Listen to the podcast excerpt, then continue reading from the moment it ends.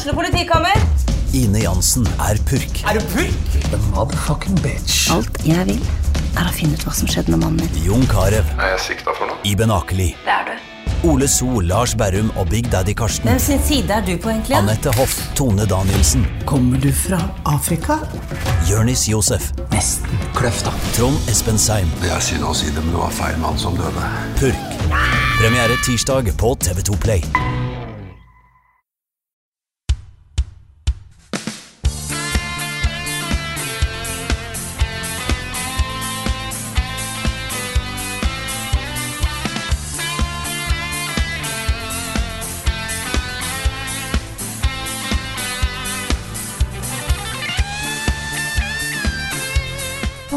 E3 er over. Vi har streama i totalt litt over et døgn de siste dagene og har sett hundrevis av trailere fra nye eh, og oppdaterte spill. Hvordan går det med dere, folkens? Sliten. Ja, jeg, jeg, føler at, jeg føler at jeg har spist for mye godteri bare med trailere. Mm. På en måte At jeg har sett for mye gøy og så blitt hypa, og nå kjenner jeg den derre post-etere the blues, liksom, som bare begynner å senke seg over Det er en- Det er en sånn hangover-følelse etter E3. Mm. Det er, jeg husker jeg forbausa meg første gang jeg var med på E3 over hvor, hvor sliten en kan bli av sånne ting. Men sliten eller ei, vi skal uansett levere en fantastisk podkastepisode til deg i dag. Dette er Level Backup med meg, Frida Danmo. Og med meg i dag har jeg Karl Martin Hogsnes, Rune Fjern Olsen, Niklas Halvorsen og Jan Martin Svesen. Oh my god. Det skikkelig bra intro. vet du. Vi er så slitne. Vi er så slitne. Og så lover vi liksom høyt energinivå. Vi skal prøve, da. Vi skal prøve. ja, ja. Ja, Altså, det, er, det er masse spennende å prate om. Så vi må bare, vi må bare få ut den der Nå er det over. Nå må vi liksom senke skuldrene, og så kan vi levere podkast! Ja, Ikke sant? Det blir jo en, det blir jo en del eterstoff i den podkasten her uh, også, selvfølgelig. Gjør det det? Det er en ting jeg har merka meg litt uh, uh, nå i etterkant, da. Nå som det har gått noen dager og sånt. Er det noen av disse trailerne som jeg ikke føler like mye hype for lenger, altså? Som vi sa. Ja. Ukens hotteste. Men noen spill er vi hype for, og vi har nemlig satt opp nå hva vår E3 topp sju-liste. Og sju er et veldig bra tall her, for da kan du ha eh, Da kan vi ha Elden Ring og Breath of the Wild og fem til. Ja nettopp. Men er det noen som ikke har Elden Ring og Breath of the Wild på første og andreplass? Ja. Ja. Det er én. Eller to. ja. Ja, vet du hva. Ehm, jeg, har, jeg har ett av de på førsteplass, men den andre ikke på andreplass. Nei, ok. Men dette blir eh, dette spennende. Vi har egentlig eh, vurdert kriteriene våre litt uh, sjøl, men vi har i hvert fall satt opp ei topp sju-liste. Jeg foreslår at du kan begynne, Rune.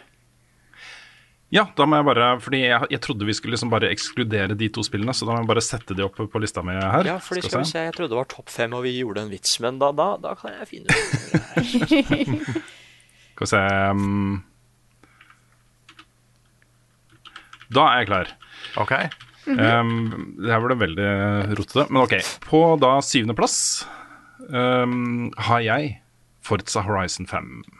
Kom ut av ingenting. Jeg ble skikkelig overraska over at jeg skulle synes det så så gøy ut.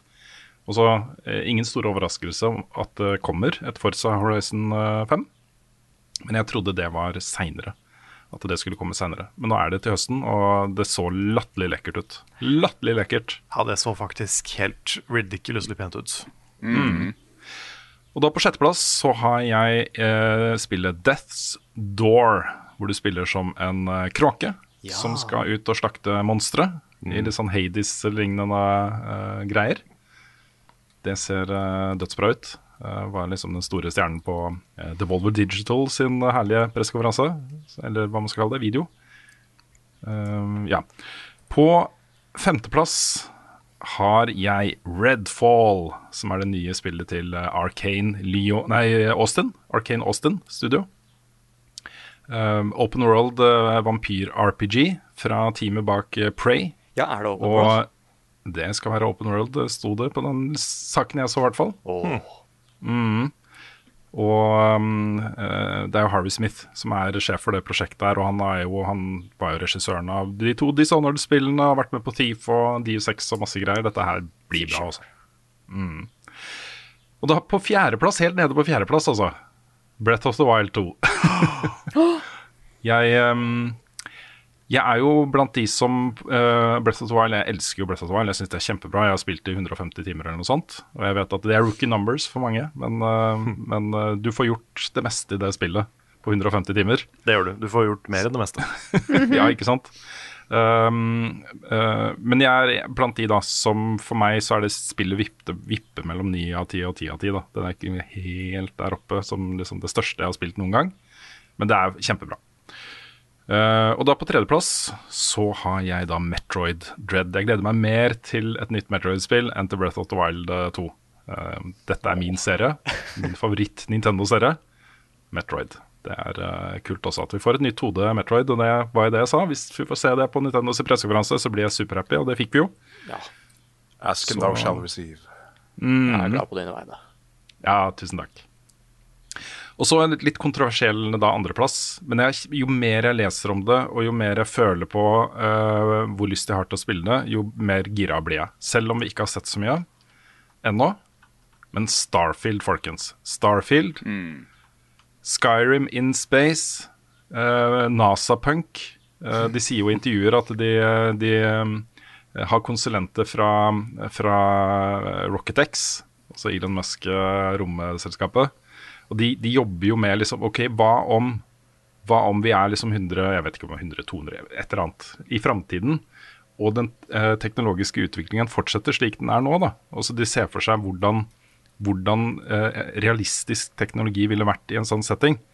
Eh, og derfor så er det liksom ikke disse shiny eh, romskipene man kjenner fra andre sci-fi-serier. De sier det er langt unna Star Trek og Star Wars. Dette er liksom Uh, gritty sci-fi, uh, men i en fantastisk setting. da Med masse forskjellige planeter og guns og uh, alien species og alt mulig rart. liksom Det er så perfekt kombinasjon, hvor du har en stor, åpen rollespillopplevelse med liksom én fot i realisme og én fot i fantasi.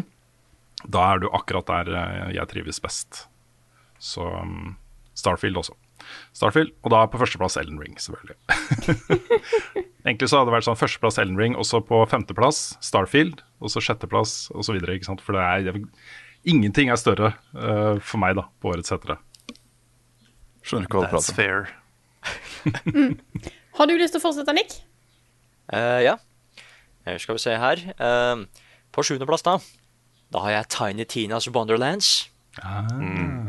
Ja, det viser også litt hvor trøtt jeg var, Fordi i går da jeg lagde lista, da skjønte jeg bare Vent litt, Borderlands. Wonderland! Nå skjønner jeg. Nå, they did there. nå skjønte jeg hva det var. Nei, bare en, um, en Borderlands som tar sted i Bunkers and Badasses, som det spillet heter i det universet der. Mm. Den versjonen av Dungeons and Dragons. Og egentlig bare få en DLC, den beste DLC-en til Borderlands som et eget spill, liksom. Tror jeg kan bli kjempekult. Uh, på sjetteplass så har vi The Outer Worlds 2, Ah. som hadde ikke den beste traileren, men helt klart den største overraskende traileren. Og den morsomste. De har ikke begynt på spillet engang, nesten. De har bare lagd logoen. uh, og så er det egentlig bare at det, det første var et sånn derre Ikke et hobbyprosjekt, akkurat, men de hadde ikke det største budsjettet, liksom. Men nå, nå at de faktisk kan gå full pupp i en oppfølger, tror jeg kan bli kjempekult. En skikkelig konkurrent, liksom, mot de spillene her. Det var så morsomt med den traileren, fordi det, det var jo så mange sjangere de var innom, liksom. Ja. Og alt det, alt det de viste, kunne vært liksom fra en trailer til et skikkelig sånn Triple A blockbuster eh, kjempespill, liksom. Innenfor forskjellige sjangere. Det var kjempegøy, altså. Ja, ja, ja. Åh, Jeg trodde det var Fable. Jeg var helt sikker på at det var Fable. Jeg også. Hadde vedda penger på det, liksom. Mm. Ehm, på femteplass, da, da har vi Planet of Landet. Planet Landet. Ja. Som bare så ut som at det er noen aliens som angriper en planet, eller noe sånt, men det var bare så dødspent. Mm. Dere snakka litt om uh, åpnings... eh, nei, avslutningsscenen uh, i, i en sammenheng. Det var vel Gullpennseremonien eller noe sånt, jeg husker ikke helt det. Tidligere. Jeg syns åpningssekvensen er sterkest i, i den uh, greia der, hvor uh, du er på en sånn utrolig vakker blomstereng, og så kommer liksom Det er en sånn svart, liten, søt skapning, og så kommer liksom rollefiguren Lana bort, og de begynner å kose litt, og sånt, og så ser du bare disse svarte greiene komme ned fra verdensrommet, sånn én etter én, liksom. Ja, ja, ja. Er enig at det er det kuleste liksom, shotet. Um, men det er noe med bare fargebruken. Som, som et bilde, liksom, så er det siste shotet veldig, veldig stilig. Ja da, um, uten tvil. Det var så pent. Um, på fjerdeplass da, da har vi A Walk with Yaya. Ja. Beste på spillet. Ja, ja, ja. A walk with yeah, yeah. Yeah, walk with yeah, yeah, yeah. Som bare fortsatt ser superkoselig ut. Mm. Og som kan bli skikkelig emotional, men også veldig vakkert, tror jeg. Mm. Og så en veldig, veldig, veldig flott stil. Uh, og, da blir det vanskelig, vet fordi på tredje og andre De driver og bytter mellom hele tida. Men akkurat nå, så på tredjeplass da, så har vi Somerville. Ja. Som bare Som faktisk har vært uh, teasa helt siden 2018, fant jeg ut. Det var trailers allerede så tidlig, og så har jeg ikke visst noe om det. Uh, Ja, er det ikke sånn at uh, dette spillet her starta hos ett team, og så joina han derre Dino-fyren fra Playdead det teamet litt ut i prosessen? Er ikke det riktig? Har jeg forstått feil? Å, det er jeg ikke sikker på. Nei, jeg er litt jeg er usikker, også, men jeg, jeg lurer på om det er sånn der. Men jeg syns det er veldig gøy at de heter Jumpship. Etter at de var på Playdead, liksom. Det, Ja. Men det er bare skikkelig stemningsfullt. Eh, Jeg fikk helt klart de inside-vibene med en gang. Det at det også er mer 3D-gameplay der, kan også bli kjempespennende. Så bare håper jeg at eh, hunden overlever, så klart. Eh, Det kan Hva som helst kan skje med den familien i The Apocalypse, men bare så lenge hunden overlever, så er jeg Jeg tror ikke den gjør det, altså. De spillene er så brutale, men det er det jeg håper på, da. Så jeg er veldig spent. På andreplass, da Å nei, skulle du si noe? Nei, det er, det er veldig sjelden hundene overlever i spill. Ja. Ja, det er, det er irriterende, ass. Det, I filmer er de litt mer heldre, har jeg sett. Ja. Men Fable 2. Nå, nå fikk dere meg til å tenke på Fable 2. Det var eh, dårlig gjort, altså. Og på andreplass, da, da har vi Stalker 2. Så det er Somerville og Stalker som driver og slåss mot andreplassen her. Jeg er bare liksom så spent fordi det er Det det er lenge siden jeg spilte det første.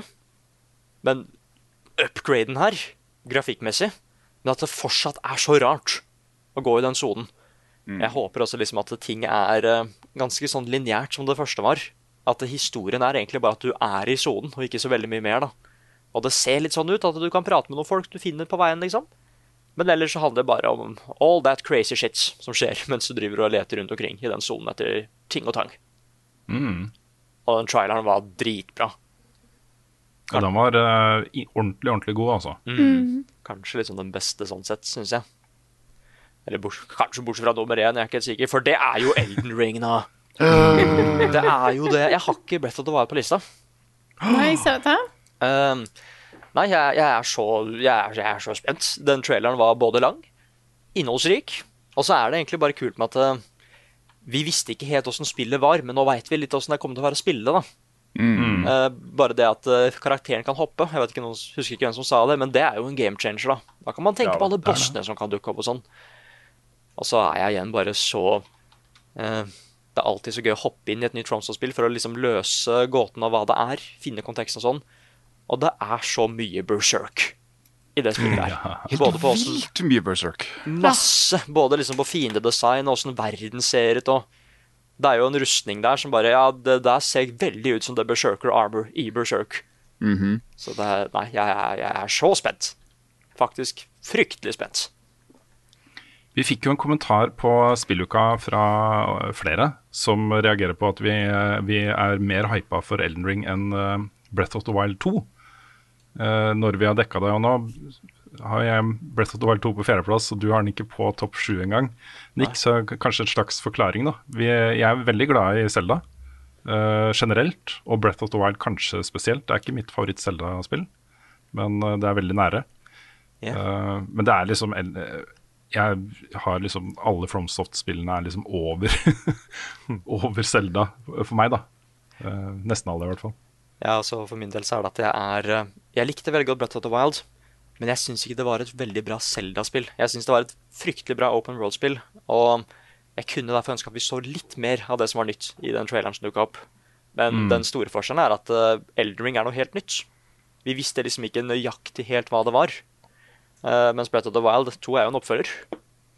Så det skal jo være kjent, på en måte. Mm. Så Derfor var det bare ekstra gøy å se hva Elden Ring endelig var for noe. Og veldig gøy å bare se mer av hva Breath of the Wild kommer til å være også. Ja. Også, nei, fordi det var noen som lurte på hvorfor vi var så hypa på Breath of the Wild 2 eh, E3 2019, og så enda mer hypa for Elden Ring nå. Og det er jo fordi, det er sikkert mange som ikke husker det, men det er jo fordi Elden Ring ble lekka på forhånd. Så vi visste jo at Elden Ring kom, men Breath of the Wild 2 visste vi ikke om. Så det var jo sånn plutselig som bare Oh my god, det kommer et til! ja. Så det er derfor det, Det er var et høydepunkt i 2019. Men da tror jeg det passer at jeg tar min liste Kjør Kjør på. akkurat nå. Jeg har satt opp spillene jeg gleder meg mest til å spille, eh, og jeg begynner på nummer sju. Det er eh, også spill som jeg gleder meg mest til å spille, som jeg ikke visste at fantes så mye, eller som jeg ikke hadde sett så mye av før nå. Eh, det var sånn at Solar Ash og Sable og sånt ikke havna på her, bare så det er sagt. Jeg begynner nederst. Skjønneplass er Stalker 2. Den er nederst av den grunnen at det er first person, og jeg ikke vet om jeg kommer til å klare å spille det eller ei. Oh. Men det spillet ser jæklig kult ut, og det er akkurat så passe weird at jeg må bare finne ut hva dette her er for noe. Og jeg må sikkert bare regne med at jeg må se noe gameplay av, av eh, Stalker 1. Jeg vet ikke om det er sammenhengende story eller hva det er, men Ga den samme Det var- filen. Det gjorde det i hvert fall. ja, OK. Men når det er nederst på din liste, du, Frida, så er det jo over mange hundre spill. Ja. Så det er ikke noen dårlig plassering. Nei, nei, nei, nei, nei. nei, nei. Nei. Absolutt ikke. Men jeg kan gå videre til sjetteplass. Der står det Somerville. Og eh, jeg skal ikke repetere alt eh, Nick sa, men det ser jæklig kult ut. Jeg er veldig veldig spent på hva det spillet har å by på. Og litt av samme blir det på femteplass, Planet of Lana. Den her lille svarte dotten av et dyr du har med deg, er så søt. Og de fiendene som er der, er så fæle. Og så er det så fint den håndmalte stilen som er der. Åh, da spiller er annet. alt for meg. Og så er vi på fjerdeplass. Elden Ring. Det er, jeg er hype på Elden Ring, jeg er det, etter å ha spilt Bloodborne, men det er, jeg er ikke i nærheten av der dere er. Eh, sånn er det bare. Nå har jeg Vi får jobbe litt mer med den, Frida. Vi, Ja, dere sier det. hvert. Yes. det. Jeg er veldig spent på det. Jeg, har, jeg gleder meg til å spille det. Eh, men det er andre spill som er over. Blant annet tredjeplassen Super Monkey Ball Banana Mania. Wow. Yes, den er over Elden Ring, og det er rett og slett fordi at nå sitter jeg her, var ikke klar for at dette her skulle komme, og har Altså, jeg er nesten 100% sikker på at Elden Ring er et bedre spill eh, enn Super Monkey Ball med Nanomania. Men da bryr ikke hjernen min seg om akkurat nå. Jeg har lyst til å spille det. Jeg skal få eh, oppleve alt den her eh, nostalgien og forferdelig vanskelige plattformer-greiene som Super Monkey Ball har. Og jeg gleder meg. Jeg gleder meg stort. Og så, på andreplass, har vi Metroid Dread. 2D Oh, yeah. Metroid er fantastisk kule spill. Det er det er noe noe med, ja, med settingen og design og musikken og abilities og alt liksom som uh, bare funker så sjukt bra. Mm. Det som er litt, uh, litt gøy her med den serien, er jo at når det er snakk om 2D-spill, dette blir jo det femte da, uh, 2D-spillet, eh, pluss at man har eh, litt remakes og sånne ting, de endrer seg ikke mye, altså, fra spill til spill. Men det er jo fordi grunndesignet er liksom Det er, det er så sterkt, da. Og så legger du til liksom et par abilities uh, til det, så er det på en måte nok til at du bare har det fett. Uh, for mye handler om å liksom bare finne ut av den verden og finne alle de hemmelige stedene og de hemmelige upgradene og, uh, og sånt. Det er en sånn kose-skattejakt, på en måte. For det er det jeg husker veldig godt fra da jeg spilte annet Metroid Fusion, er hvor utrolig bra kartet er laga. Dette er ordentlig godt uh, utforma greier med mange, mange hemmeligheter og sånt, så, så det er er det, det er kanskje rart å se at det er mine, en av mine favoritter, Metroidvanias, men det er jo fordi det kommer fra Metroid, så det er på en måte det er ikke helt overraskende da. Du kan komme med en liten digresjon der, fordi det, er, det, er, det med kartet er litt inter interessant. Altså. Også min favoritt uh, Metroid-klone er jo et spill som heter Shadow Complex. Uh, og det er jo mer eller mindre en blåkopi uh, av Abilities, bare lagt i moderne setting, og det er, du har guns, også ordentlige guns. Dr. Sweet. Ja, men det, eh, jeg, jeg syns det var så fett når jeg så um, De viste litt av prosessen eh, bak å lage det spillet. Da hadde de jo tegna ut hele kartet på en sånn svær, svær, svær plansje. Med liksom alle shortcuts og secrets og alt mulig rart. Og på ett stort map, ikke sant. Og det, det er noe med den der tankegangen rundt å bygge en verden på den måten, hvor ting er interconnected, og hvis du får den abilityen der, så kan du komme deg dit, men ikke uten den. Og så eh, kanskje eh, overstrømmes det, og da får du tilgang til det også. Det er masse sanne greier, da. Eh, det, det, det er den derre skattejakttingen, en sånn skattekart, liksom. Det, det er så kult, altså. Ja. Åh, så altså, da gleder jeg meg til. Men det jeg gleder meg mest til, det er Breath of the Wild 2. Eh, Jo mer jeg ser den traileren, jo mer gira blir jeg. Og mange ting eh, som jeg ikke så første gang vi så traileren, da var jeg bare eh, sjokkert eh, og fascinert over at eh, Breath of the Wild-verden nå har flere lag. Eh, vi hadde jo diskutert, eller flere enn bare oss, da har jo hatt hypoteser om hvor er det de skal ta det videre. Kanskje de skal gå under bakken, bare vidt opp i lufta. Men da som jeg har lagt mest merke til, er jo den armen til Link. Ja. Som har jo fått hele denne Guardian-greiene på seg. Og jeg så jo noen tweeter om at dette fantes det konsepttegninger fra, fra originale Breath of the Wild. Så dette er helt klart en idé de har hatt veldig, veldig lenge. Eh, som nå endelig blir integrert, ser det ut som. Og da, da Altså, dette spillet her kom jo ut ifra at de hadde så mange ideer om DLC-er og ekstra historier og utvidelser at de måtte bare lage et eget spill. Og det er helt klart, veldig veldig mange av disse ideene har de hatt så lenge. Eh, og da, da, da kan det ikke bli noe annet enn bra, tenker jeg. Mm. Så Jeg har også sett uh, teorier om at, uh, at um, også de flytende øyeverdenene, som da kommer liksom opp i lufta, vil være liksom litt eh, sånn, sånn som vi kjenner Breath of the Wild fra i dag. da, Også litt lyse og uh, vakre og sånt. Mens det kanskje vil være litt mer sånn dirty, eh, mørke dungeons og sånt på bakkeplan, liksom.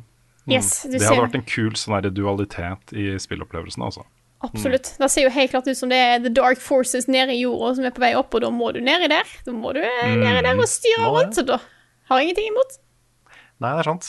Jeg lurer på om det er to planes eller tre. For det er liksom, du har jo de himmeløyene, og så har du eh, vanlig Hyrule på bakken.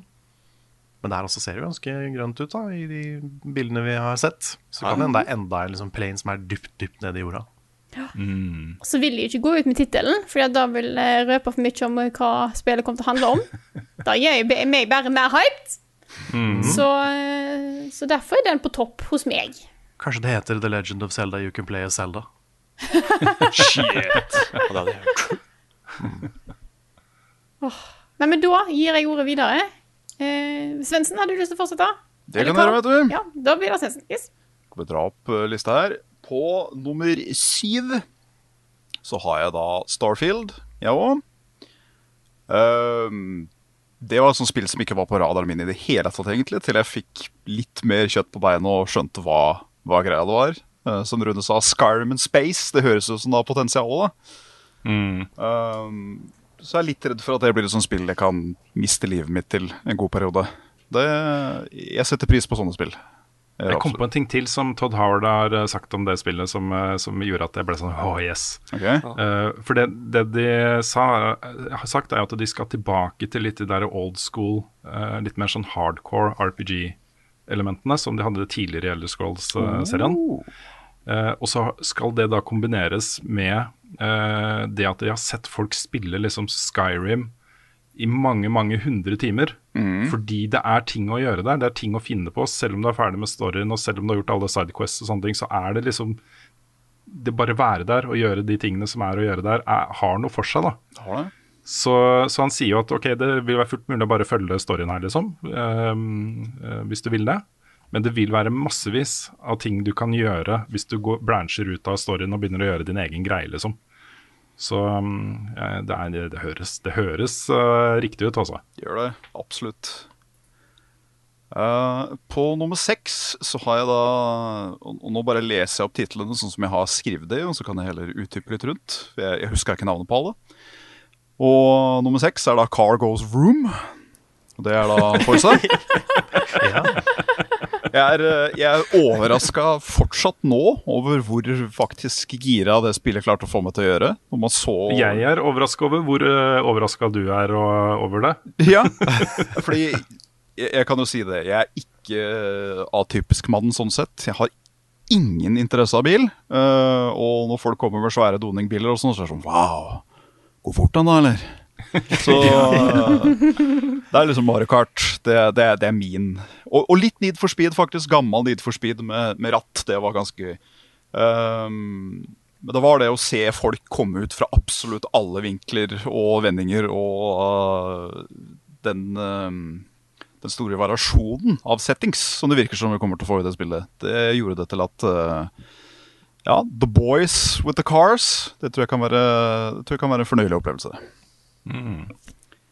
På femteplass så har jeg da skrevet, og dette tror jeg blir feil, for jeg har skrevet Ma Vampire Masquerade Multiplayer Thing. Uh, men det var jo da Redfall uh, det skulle være. Ja, det, var to, nei, nei, det du tenker på, er den uh, Battle Ja. Royale-varianten, tenker jeg. Det, det var den som satte seg i huet, men det var ikke den jeg tenkte på. Det var den du tenkte på, jeg tenkte på. Ja, Den heter sånn Bloodlust eller Blood et eller annet. Ja. Jeg. jeg husker ikke i farta, jeg heller. Blood. Uh, og den uh, Den har potensialet med the, the lanky vampire uh, kind. Jeg skal google litt. Det blir litt sånn taste-taste fra meg. skal vi se. Men var det Redfall du tenkte på, eller var det den Bloodlust? Nei, det var, det var, det var ikke den Battle Royalen jeg tenkte på. Nei, da var det Redfall. Da var det Redfall, ja. Ja, Yes. ja, for det, det er ikke Vampire the Masquerade. Nei. eh, Det var, det var det jeg også tenkte. Jeg bare, det, det var det som kom opp, så da var det eh, Vampire Masquerade multiplayer-ting. Ja. ja, Bloodhunt heter den, eh, den andre eh, varianten. Blodhund, ja. Der kan du se. Og så Ja, nei, men ja, greit. Ja. Uh, og så på nummer fire uh, så har jeg også bare skrevet ett ord, for jeg husker ikke resten. Uh, det var Warhammer. Den derre dungeon crawl-ish greia multiplayer. Ja, Den, ja! Den hadde jeg nesten glemt. For det så ut som en så dritkult sånn Ok, la oss ta en langstream på fire timer med et select eh, team og bare se hvor mye kødd vi klarer å skaffe for hverandre, eller whatever. Chaosgate, Ja, var det ikke det? med blant annet han kokken som viser fingeren når han blir kasta ut i uh, gryta og litt sånn forskjellig. Det, det så fornøyelig ut uten å Uten at det var så veldig mye vist, så var det sånn Ja, OK, I see the gimmick, and I already love it. Så Mm. avhengig av hvor gøy det, Ja, det er òg Ja. Avhengig av hvor gøy det er òg, så blir det et sånt Ja, nei, men jeg har ikke et liv i en ukes tid. Ja, altså War, Warhammer 40K, Chaosgate, eh, Demon Hunters, altså Damon Hunters heter det. Ja, ok. Diamond. Fulle tittelen. Kan du se. Chaos. Det tror jeg blir gøy. Så på tredjeplass så har jeg da Summer Something. Uh, det er vel da Summerville. ja. uh, for det var jo du som dro meg ut på det derre Det var vel første den jubileumsshowet. Da ba du meg Eller du skulle fylle mitt hull med, med Du skulle fylle mitt hull inside.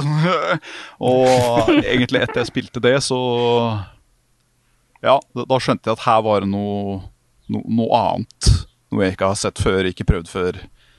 Um, ja, det ser ut som Somerville blir mye av det samme, sånn sett. At det, det, dette blir en uh, Sikkert ikke lange spillet, men det blir en uh, opplevelse. Strengt talt eh, kommer til å glemme seint, tror jeg. Så da blir det den. Så har jeg da en på lista som jeg tror ingen andre kommer til å ha. Jeg vet ikke hvilket det er. du Vet jo det, ja? Ja, skal, Kan jeg gjette? Ja, du skal få lov til å gjette. Salt and uh, Var det Sacrifice? Det het den andre? Eller Salt and Nei. Ja. Salt, salt Nå and innser jo jeg at jeg har eh, Jeg har eh, Sorry! Nei, men nå, nå innser jeg at jeg har, jeg har fucka opp lista mi. Fordi jeg hørte sju i stad, og da tenkte jeg å ja, ja, men da må vi skrive den om. Men jeg har jo ikke inkludert den som er den selvfølgelige førsteplassen. Så da må én ryke. Var det nederst som røyk, da? Ja, nei, jeg lurer faktisk på om det blei Solten Sanks... OK. Uh, uh, Salt Sacrifice heter den, ja. Vampyrspillet ryker. Um, Vampyrspillet ryker. Ja. Uh, fordi da på tredjeplass Ja. så er det Death Trash. Som vi fikk se et Ja, bitte litt igjen av. Det er asymmetrisk pixel uh, Shadowrun-ish-spillet. det så kult ut. Det stemmer. ja, Det, det dibba jeg allerede uh, Klema jeg allerede som min anmeldelse når vi så det revealed. Stemmer det. eh, Skal jeg fortelle deg noe gøy, Svendsen? Gjør det. Eh, Jeg kommer tilbake til dette her ganske straks etterpå, neste spalte. Men det er jo en sånn festival på gang på Steam nå, og det er en demo av det spillet ute der. Ja, ja. Jeg har, uh, jeg har, jeg har sett en gjennomgang av spillet. Eller av demoen. Og, eller jeg så en halvtime av det og så mm, vil ikke se mer, Fordi nå, nå er jeg investert allerede. Ja. Det, det er sånn typisk sånn derre What the fuck er dealioen med denne veldig, veldig, veldig rare verden vi befinner oss i? Det er liksom, du setter foten utafor første bygningen i spillet, og så bare Å ja! Det bare vokser naturlig kjøtt på denne verden. Levende kjøtt. Og Hater ja, det når det skjer. Ja jeg, jeg, jeg elsker sånn skikkelig fucka settings. Uh, som mest sannsynligvis er sikkert skikkelig mørk og jævlig òg. Det mm, mm, passer meg fint. passer meg fint å dra i de trådene. Så det, det gleder jeg meg veldig til. Det kommer vel allerede i august en gang, tror jeg. Så det Tror det stemmer. trenger ikke å vente for lenge. Og så, da, vet du, på andreplass, så har du helt rett, Rune. Da kommer Salt and Sacrifice. Ja. Eh, det eneste som på en måte holdt tilbake den derre ja, Ikke ti av ti, men i hvert fall ni av ti for uh, Salton Sanctuary, var at de syns det er så jævlig stygt. Det er, jeg syns det er grelt, faktisk. Ja, det er en ganske sånn shabby visuell stil på det første. Veldig acquired taste. Eh, jeg, liksom, jeg orker ikke å skitte for mye på det heller, for jeg tror hovedteamet var liksom to folk for å lage hele det spillet der, og det er uh, impressiv. Um, men så bortsett fra settingsa og, og lydbildet, så var det liksom bare hvordan du ser ut, hvordan vanlige NPC-er ser ut, bare ser ut som B-ranked Muppets, og det er ikke helt min uh, kopp med te, skal jeg være helt ærlig. Men dette gameplay er altså så bra, og du kan jo egentlig spille det akkurat som du vil, som andre Souls, bare 2D. Så det å se at jeg fikk den fresher coat med painten så det så skikkelig pent ut òg, da You're speaking my language, whoever team you are. Så det blir, eh, det blir bra. Det blir bra. Og så er det vel ikke overraskende da kanskje at Breath of the Nei, sorry, beklager. Det er Elden Ring som kommer på, på førsteplass. Uh, merker deg kanskje at Breath of the Wild òg er utelukkende fra min, uh, min liste. Men det er, jeg har ikke spilt det første. Nei. Og jeg, jeg eier ikke den hypen for den serien lenger, tydeligvis. Som eh, jeg gjorde når jeg først fikk Ocarina of Time til jul. Once upon a time. Eh, så jeg detter litt ut. Um, den open world-greia er absolutt min ting, men denne open worlden som eh, Elden Ring representerer, er uh, Ja. Hvis, uh, hvis jeg var god venn med Miyazaki, så hadde jeg trodd det var et kjærlighetsbrev til meg. Åh. Fordi um, det er sånn, Bare ved å se på den traileren i etterkant, så, så har jeg sittet med sånn en sånn varm, nesten sånn rørt følelse av Ja. hva dette spillet representerer. At jeg lurer faktisk sånn, som en spådom for fremtiden, så lurer jeg nesten på om dette kan være et spill som kan kanskje få meg til å begynne å grine. Ikke fordi at det er så, å, det er så vakkert, alt mulig sånn, men bare hva i all verden skal Flomsoft klare å lage nå, som skal klare å toppe dette her for meg? Fordi hvis livet mitt kan samles inn i ett spill, så tror jeg det blir Elden.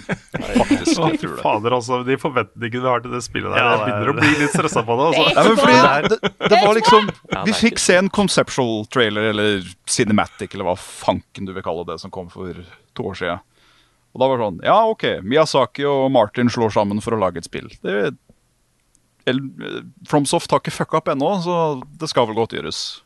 Og så får vi endelig se hva, hva det går i, og det er bare sånn Ja, dere har skjønt det.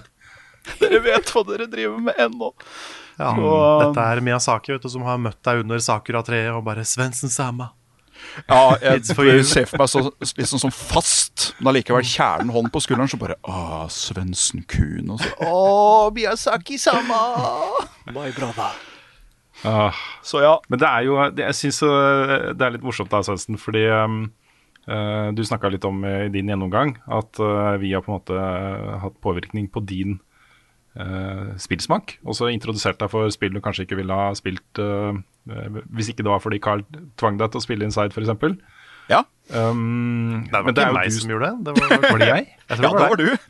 Ah, ok, det var meg. Du og jeg Sorry. satt på vår stol, og så ba Ja, du meg spille til et visst sted. Det, det stemmer det. Beklager. Jeg var så investert i hva du uh, gjorde der, så for meg, i mitt hode, så satt jeg bare og, og var tilskuer til at du spilte Inside. ja, du glemte den pistolen du sto og holdt. ja, ikke sant. Ja, men uansett, da. Det, poenget mitt var jo at det er jo du som har introdusert uh, FromSoft inn hos oss. Stemmer. Først eh, via Carl, da, og så Carl til meg. Eh, og så unisont kollektivt eh, til Frida, heldigvis. Endelig.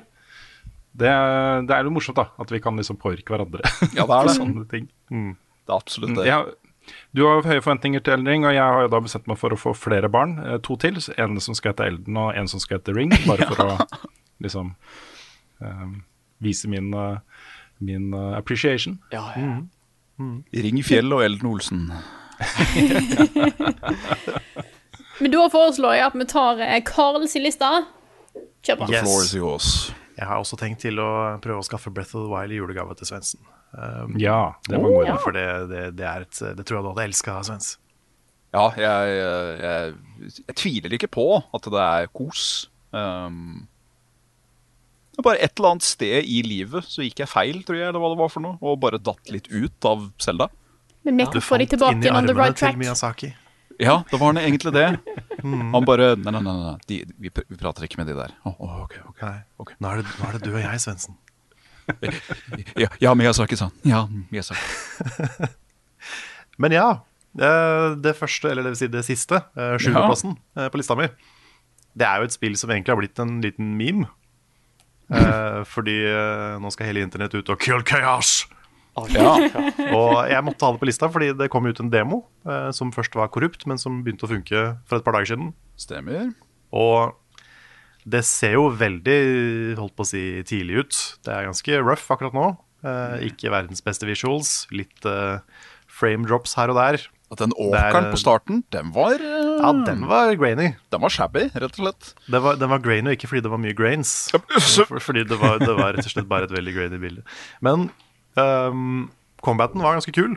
Det var jo på en måte en slags videreføring av Nio, bare uten det stand-systemet som Nio har. Mm.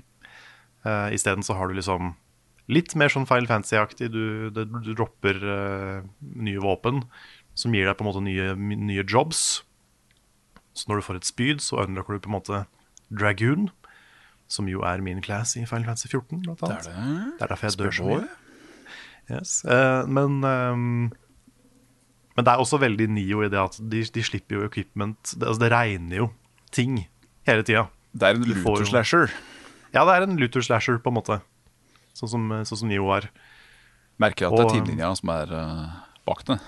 Ja, det merker du veldig. Det er et veldig, veldig Team Ninja-spill. Men ehm, det, er liksom, det, er, det er noe i kampsystemet som jeg syns funker. Jeg synes Det er kult at det er satt i Final Fantasy 1-universet. Det er ikke, jeg tror ikke det har blitt gjort noe med det universet siden Final Fantasy 1 på 80-tallet, liksom. Så, så det er kult.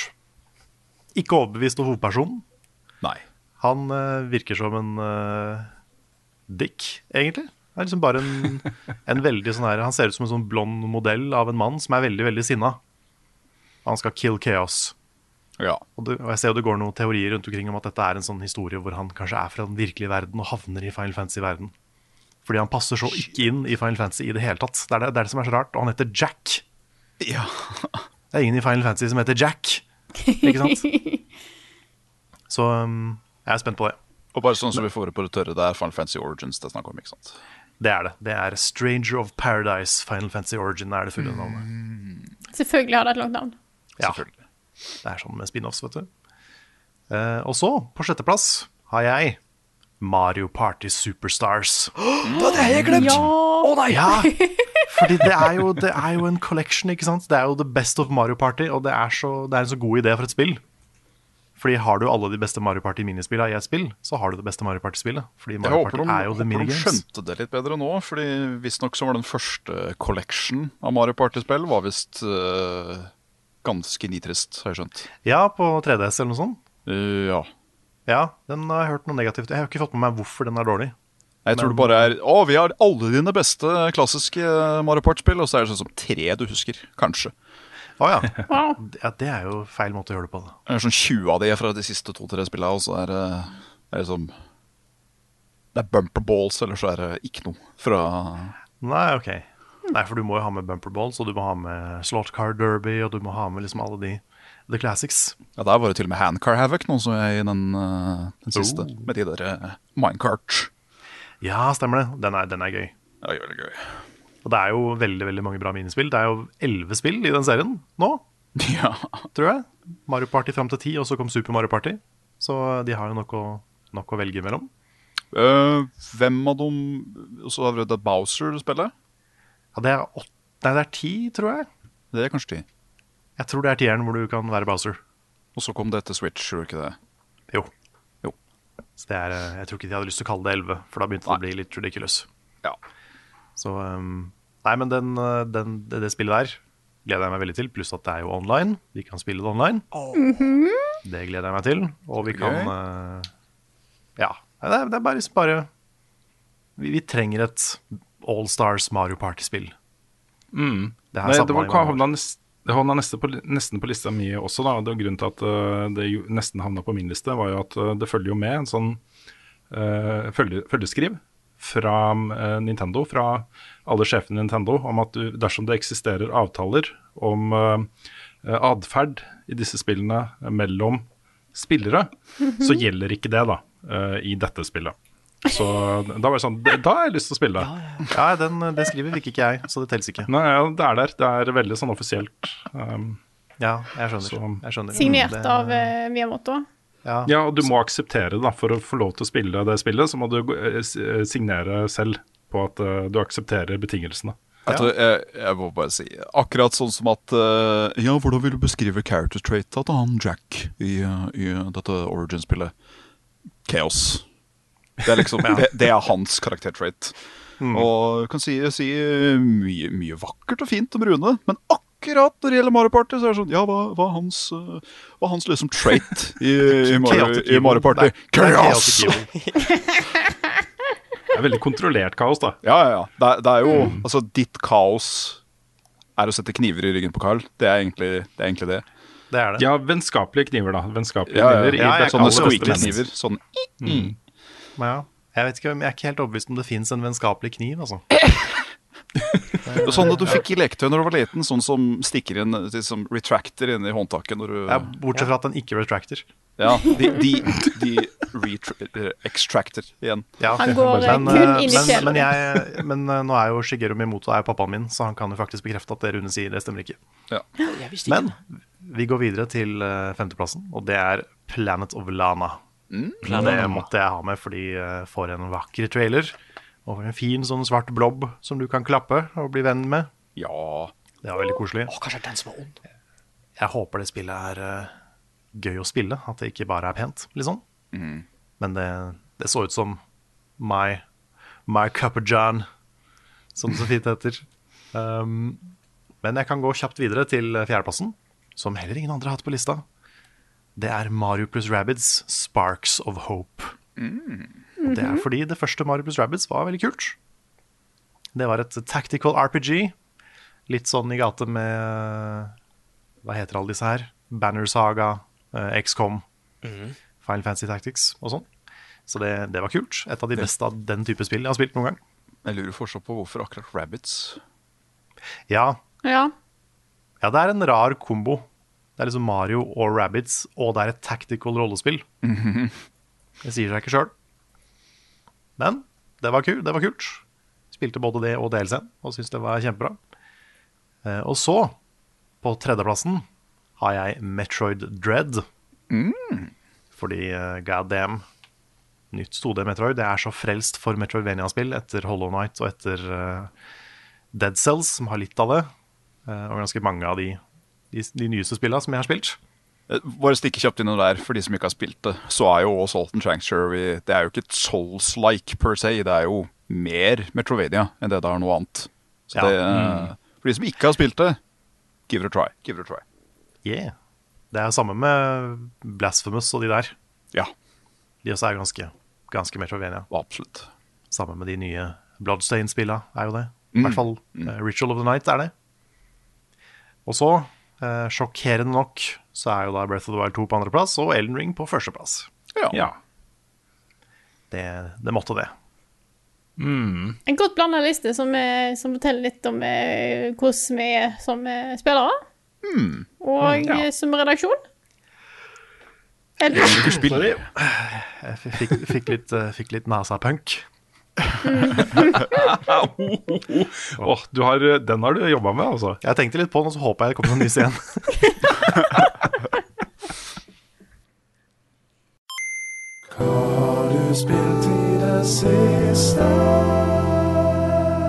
nå har det jo gått mye i E3 for oss. Jeg har ikke hatt tid til å spille noe annet enn jeg spilte, jeg spilte jo litt Bloodburn på, um, underveis i streamen. Eh, Jeg har begynt på en Arcane-bild.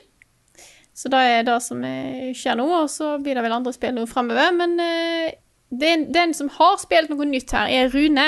Vær så god. Ja, jeg har til og med spilt tre nye spill. Tre nye spill har jeg spilt. Wow. Og det er til og med etter, i perioden etter at E3 var ferdig, til nå. Nei, også Poenget er at det, kommer- det er jo litt sånn langt eh, mellom utgivelser nå. Alt har handla om E3 eh, siste uka, liksom. Men i går starta jo um, Steam Next Fest, um, som på norsk kalles Førslippfestival. Det syns jeg var litt morsomt. Den går uh, da fram til 22.6 klokka 19.00, og det den inneholder er uh, Jeg tror det var snakk om nesten 500 spillbare demoer fra spill som ikke er lansert ennå. Um, og det, det er Jeg har vært innom alle de Next-festene som har vært tidligere og plukka ut en par-tre demoer som jeg har lyst til å teste, og det har jeg gjort nå også. Uh, og da begynte jeg selvfølgelig med Sable. Det ligger altså Starten av Sable er nå spillbar uh, på Steam. Og Xbox, visstnok. Demoen er også sluppet på Xbox. Um, og dette er jo et spill vi gleder oss masse til. Uh, et utrolig, utrolig utrolig vakkert spill. Og det er like vakkert å spille det som, som det ser ut på video. Eh, med sånn eh, eh, Fargeforståelsen til teamet der er ganske ekstrem, altså, for de har valgt liksom et fargekart til den verden her som ikke ligner noe annet jeg har sett i spill. Og det, bare det føles veldig, veldig stilig. Og det er en god demo. Det er fortsatt litt røft i kantene, det spillet der. Det er en del sånne småbugs og litt sånn chunkiness i kontrollen og, og litt sånne ting. Ting som jeg håper de liksom får fiksa til lansering i september. Um, men uh, de er godt på vei også, fordi det første jeg hadde lyst til å gjøre da demoen var over, og jeg ikke fikk lov til å spille mer, var å fortsette. så så det, er, det er noe her også som er kjempe, kjempebra. Og starten er jo liksom litt mer sånn introduksjon til den verden eh, dette er, og rollefiguren du styrer. Du er jo i en slags sånn derre Horizon-lignende verden hvor det har vært teknologi her før, liksom. Det har vært noe her før, men nå er det en litt sånn nomaderase, eller nomadefolk, da, som bor der, og som uh, scavenger den gamle teknologien for å bygge nye ting. Så du kan jo bygge ganske kule sånne luftskip og sånt som du ser, da. Jeg har ikke flydd noe i luftskip ennå. Uh, men det viktigste er jo den der hover-biken som vi har sett på disse trailerne. Um, den eh, bygger du, må du bygge selv, da. du må finne delene til den eh, for å liksom uh, få lagd den, men du får ikke eh, Akkurat når du liksom skal sette deg på den for å kjøre, så slutter demoen. Så eh, du fiser rundt i en liten sånn der dirt eh, hoverbike, en sånn skranglekasse. som, eh, som er Det er stilig å se på, men eh, jeg sitter jo hele tiden og savner den der raske doningen da, som jeg har sett på traileren. Eh, og så er det en del sånn på en måte magi da, inn i verden her. Det er noe et eller annet magisk. Du får, eh, et, en av tingene du skal finne, er jo den derre bobla, som vi også har sett i videoer. Som gjør at du kan liksom bare sveve gjennom lufta. Og da åpna hele spillet seg opp. Du fikk tilgang til steder som jeg, Det første jeg gjorde, var jo bare fly rundt på hele mappet, ikke sant. Og se, uten at jeg hadde fått en quest om å gjøre det, liksom. Men jeg bare ville se hva som var der. Så jeg var innom alle fjell og knauser og templer og alt mulig rart. Så når jeg til slutt fikk oppdrag om å bygge den der biken, så hadde jeg jo funnet alle delene. det ble nesten litt sånn forvirrende, fordi jeg fikk oppdraget. Og så fikk jeg ikke noen marker på hvor neste var. Og så måtte jeg liksom gjøre litt ting. Og så og markeren var jo han fyren som ga meg oppdraget. Det var neste marker, fordi da skulle jeg bare levere det. ikke sant? Så at jeg kunne bygge den hoverbiken. Um, så um, ja. Men dette har jeg veldig veldig høye forventninger til. Jeg tror det kommer til å bli kjempebra. Musikken er jo nydelig. lydbildet av norske Martin Kvale er kjempebra. Um, og det er, eh, det, det er på en måte litt sånn Ocarina of Time-utgangspunkt, hvor hovedpersonen eh, får et på en måte slags oppdrag da, som mange andre har fått før henne, om å reise ut i verden. Fra det, trygge hjemstedet eh, til liksom verden rundt. da. Um, så I like it. Og så har jeg også testa demoen til et spill som heter Unmetal. Det er jo en Metal Gear Solid-parodi. Nærmere bestemt en Metal Gear Solid 3-parodi. Med veldig hit and miss-humor. Det er Noe av det lo jeg av, liksom. Men mye av det er, er litt sånn platt, da. Oh. Så, um, så det er en joke. Det er en joke Hele spillet er en joke. Hvor, uh, uh, hvor humoren er mye basert på, på Snake-rollefiguren og Metal Gear-universet. da um, men det er, en, faktisk, det er noe her også som jeg syns var ganske stilig. Uh, for det starter jo med at liksom hovedpersonen, som jeg ikke husker hva heter i farta Han heter jo ikke, uh, han heter jo ikke Snake, men uh, det er noe sånn ameri veldig amerikansk. Han blir tatt til fange av amerikanske styrker eh, og tatt i avhør. Og så skal han fortelle hva som har skjedd. da. Eh, så spillet er jo eh, tilbakeblikk, på en måte, fra det forhøret som han sitter i. Så han snakker om at det gjorde sånn og sånn, og så går det og så spiller det han snakker om. Og så kommer liksom de som driver forhøret inn med Vent litt, sa ikke du at Og så er de litt tilbake der og, og sånne ting. Um. Det var artig, men jeg vet ikke helt om jeg orker å spille hele. Første gang jeg døde, så avslutta jeg demoen. Så um, vi får se. Og så, da. Et spill som vi satt uh, og uh, ah, litt av på etere, uh, som heter Lake som handler om en godt voksen dame som forlater storbyens kjas og mas.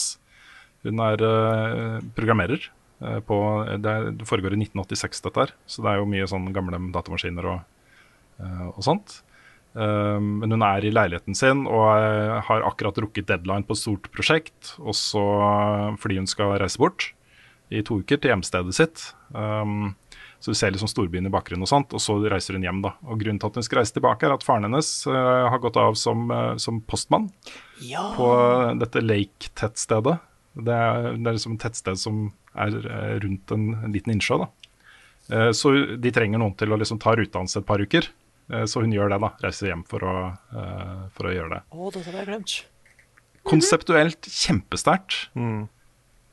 Spillbarhetsmessig sjukt boring. oh, ja. Eh, Men det er fortsatt ja. bare en demo, ikke sant?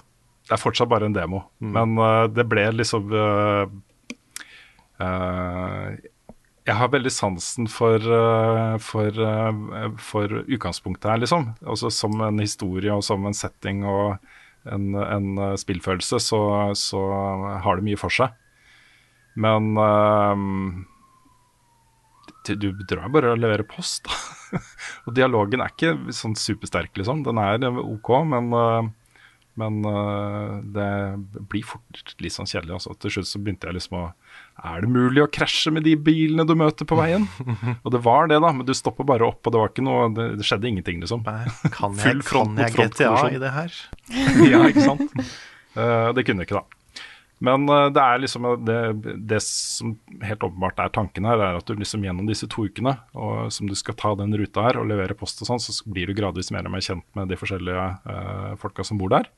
Eh, noen av de er jo folk du eh, kjente da du uh, flytta ut for å dra til MIT for 22 år, 22 år siden.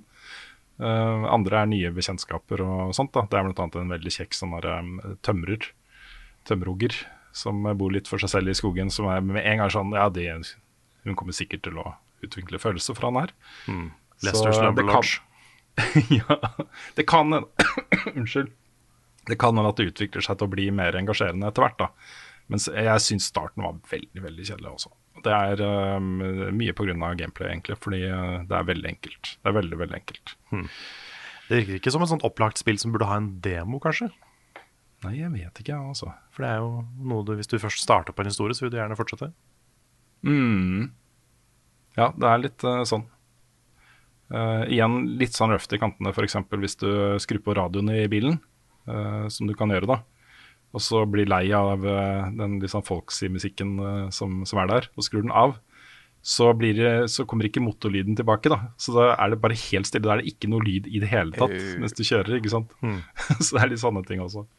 Men um, Um, ja, jeg er litt streng mot det spillet, men jeg syns det, det var ganske kjedelig også. Så, så det er det. Og så vil jeg bare melde, Nick, nå er du straks raid-klar. Å, fy Straks, straks, raid-klar. Damn. Ja, that set my queue. That's your Yes. cue. Jeg har eh, også tre ting å ta opp. Eh, Det første har jeg jo snakka litt om allerede. Den Final Fantasy Origin-demoen som jeg har spilt gjennom. Siste boss der var dritvanskelig. Oh. Det, jeg, måtte, jeg måtte grinde, jeg måtte levele opp for å ta han uh, Chaos. Ja, det var chaos. Wow. Men jeg tok jeg, I killed Chaos. Det var jo ikke noe cutscene etterpå, så det, det skjer jo helt sikkert noe shenanigans som gjør at I didn't kill Chaos. Men, Nei, Ida, eh, du, du drepte Chaos, og så er du ferdig. Det var, viste seg at det var faktisk ikke bare et spill, det var bare den demoen. Det var det. Ja, det var, bare, det var bare The Final Dungeon. Hele spillet er The Final Dungeon. Så um, Nei, men, uh, men spilte det, og det, da var jeg jo klar for mer.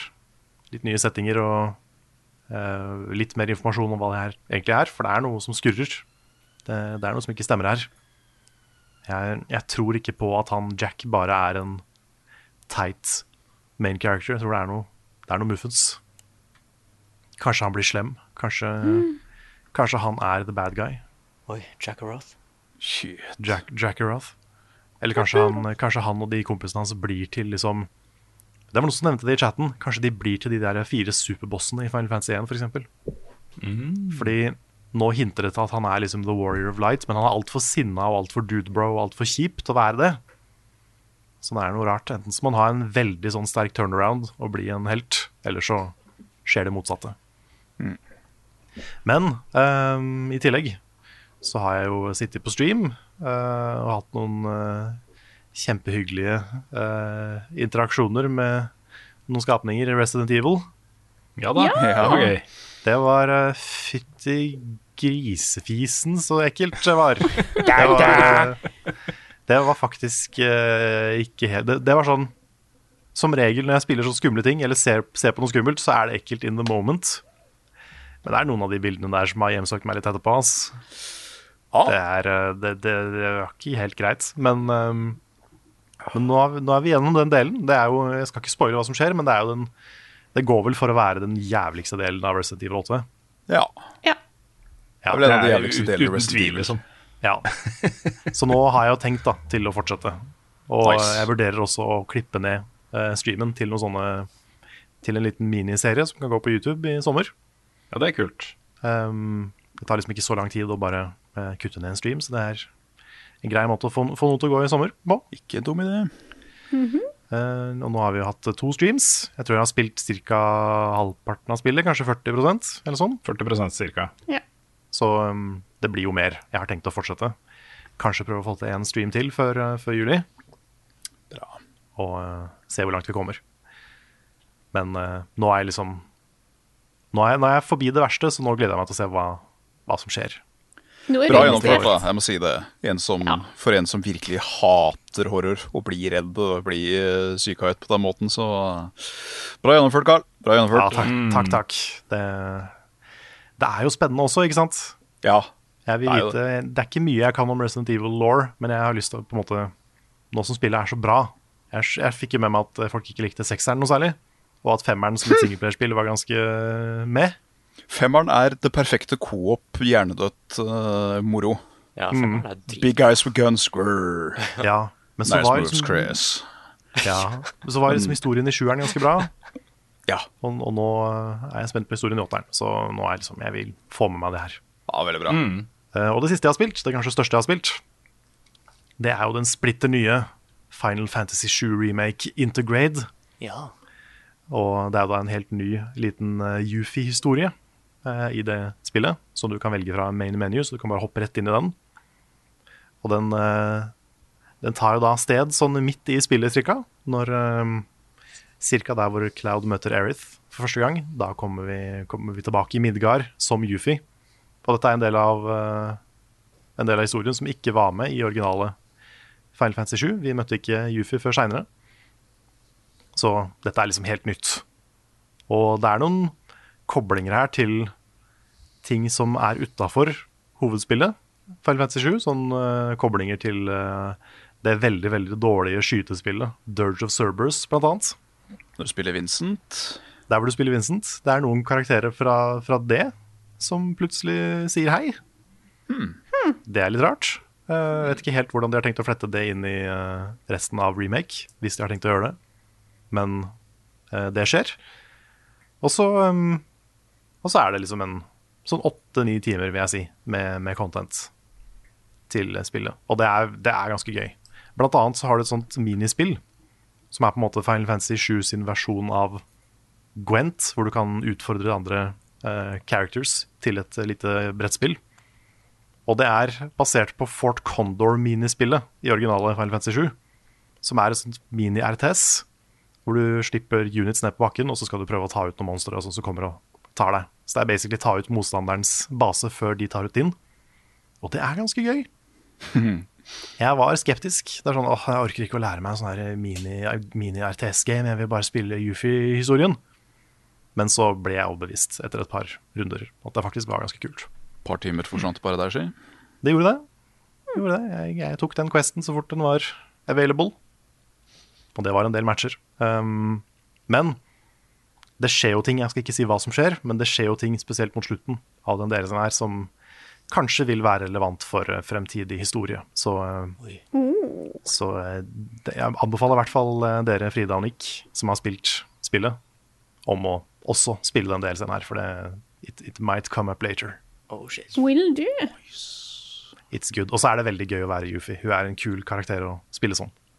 Mm. Pluss at hun er jo kjent som en litt sånn hyper For noen litt annoying karakter i originale Final Fantasy 7. Men jeg syns hun, hun, hun er skildra veldig bra her.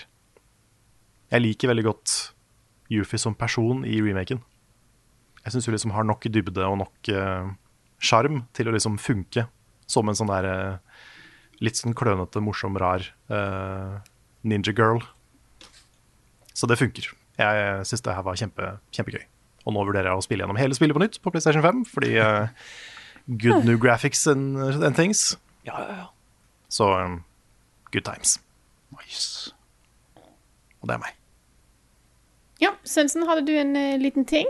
Ja, ikke så mye å komme med, men um, uh, for de som fikk med seg pausesporene i løpet av streams, så, så tok jeg en liten uh, dismantle av Demon Souls runde én, som jeg valgte å kalle det. Uh, viser hvordan du kan bli for sterk for det spillet allerede level 10. Noe som er ganske gratifying, det må sies. Det var sjukt gøy å se på. Hvis du, hvis du bare gikk på for å hente et glass vann, liksom, så hadde du tatt et par bosser. Det kunne Ja. fort skje, ja. Ja. Det var uh, Ganske mange av de bossene faktisk var sånn to, tre og fire shot. Med da et nærkampsvåpen som er ganske uhørt akkurat i Demon's Souls. Eh, for det skal jo dessverre sies at uh, classes er ikke made equal i det spillet der i det hele tatt. Uh, så jeg har to måter til, uh, som liksom er de mest kjente, og bare fullstendig trintegjøre det spillet med. Uh, og har da preppy to nye characters for akkurat det, som skal bli fremtidige streams på, på Ah, kanalen. det blir gøy. Gleder meg. gøy. Nice. Så jeg kan jo da, kan jo da nevne hva, hva navnet på den neste karakteren heter, så kan det være en liten teaser, og det er Spell Goes Boom. Spell goes boom. Ah. En, en kanskje eh, opp i flammer også? Ting kommer nok til å ende opp i røyk, ja. Jeg vil Ja. tippe det. Planen for den streamen er å one-shot alt jeg ser. Så, så tar vi det derfra.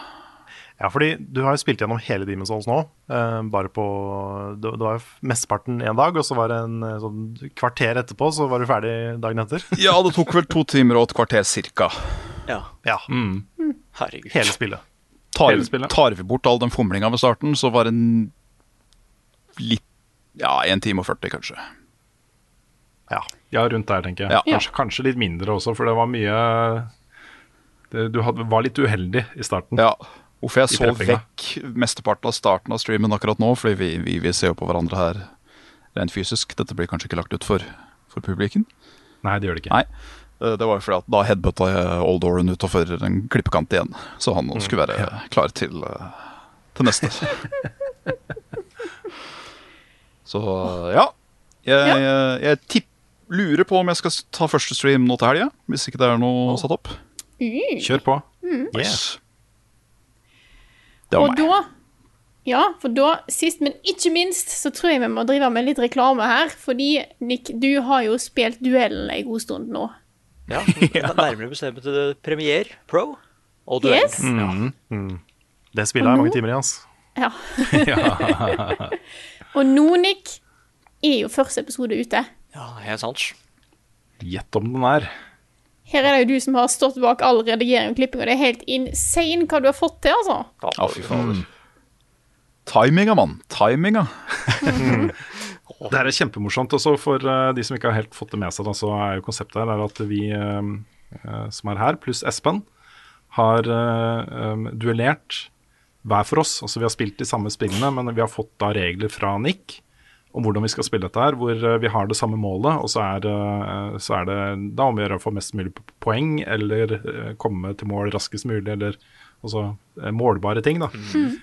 Så vi vet jo ikke hvordan de andre har gjort det, men det vet Nick. Og Nick har da sittet og klippet dette sammen til sånne helaftens epic kjempeduellgreier, liksom. Det var så gøy å se på. Det var skikkelig artig å se på. Det var det.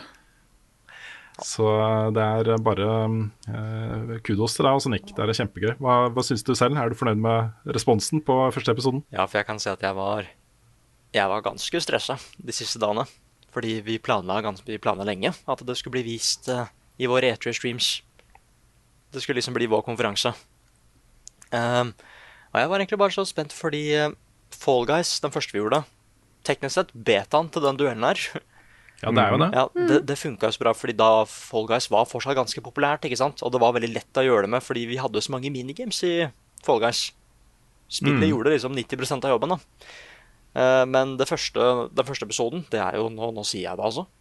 Jeg sier hva det er. Den første episoden tar jo sted i Minecraft. Der målet er å skaffe en diamant først. Og Mhm. blant annet få den hjem igjen. Um, og jeg, måtte, den tok lengst tid å klippe, for jeg måtte lage et blueprint. ikke sant? Og Derfor var jeg veldig stressa, fordi hvis folk ikke likte det blueprintet, så har de litt problemer med resten av duellen nå, da. Eh, veldig mye av humoren og timing og åssen de episodene er bygd opp. Mye av det er i den første episoden i Minecraft. Så derfor var det så hyggelig å se at det var så mange som likte den første episoden. For da tror jeg, Mm. da tror jeg de kommer til å like de andre episodene òg, altså. Gjett om jeg gleder meg. Gjett Ja. om jeg gleder meg. Ja, Altså. det er jo vi som sitter og maser på Nick om at vi vil se de neste episodene. Bare binge alt sammen i en aften. Ja. Nei, så, så når vi er ferdige her, så skal jeg tilbake og klippe.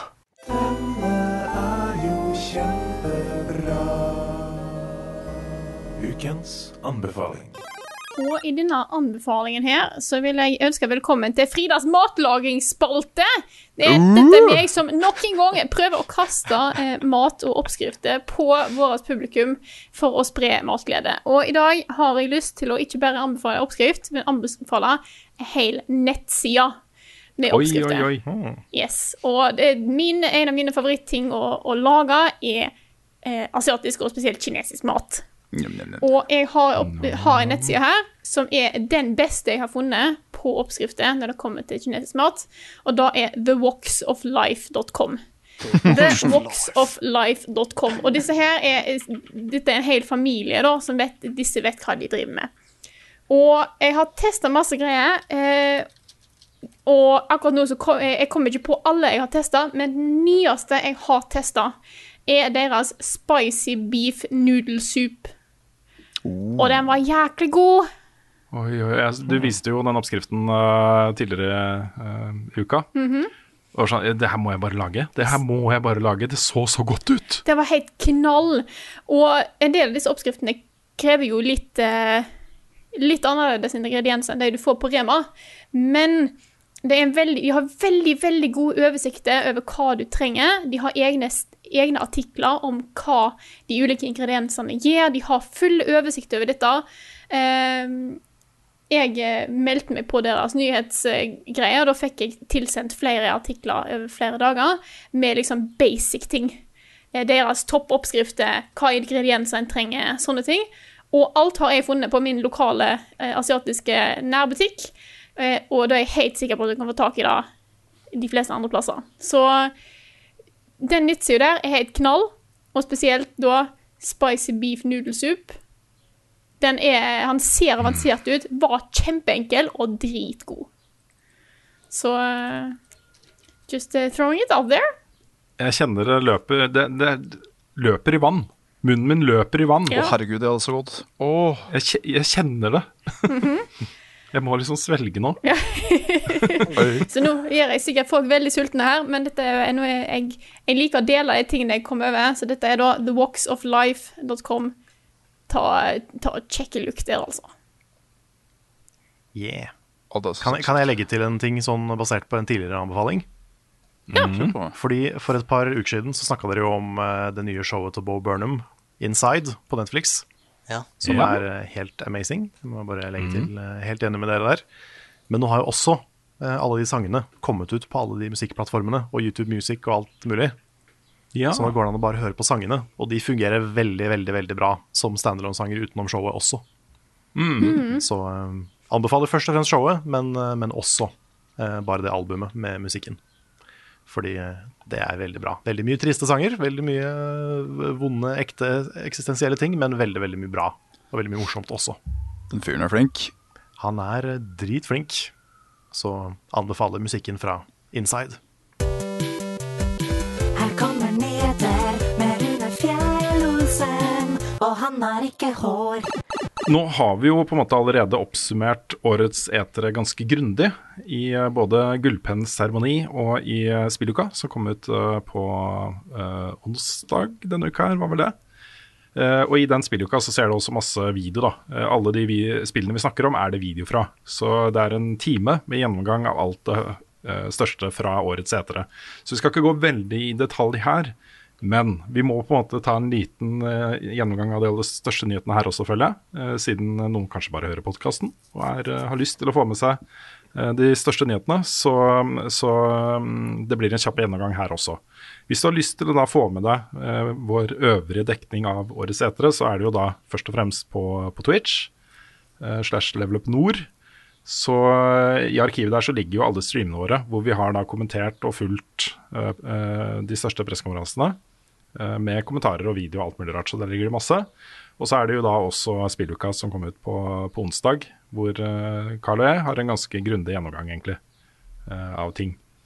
Og så kan jeg også anbefale å høre den podcasten her. Denne episoden av podkasten er litt tidligere, hvor, hvor vi da går gjennom våre fem favorittspill. Syv favorittspill fra årets etere. Så um, det her blir nok det siste vi gjør på, på årets etere, tenker jeg. Um, en liten gjennomgang. Men eh, vi har fått noen spørsmål også som vi kommer tilbake til da, uh, seinere i podkasten. Og med det sagt så eh, raser jeg bare gjennom, og nå er det ikke lov til lange digresjoner, folkens. OK.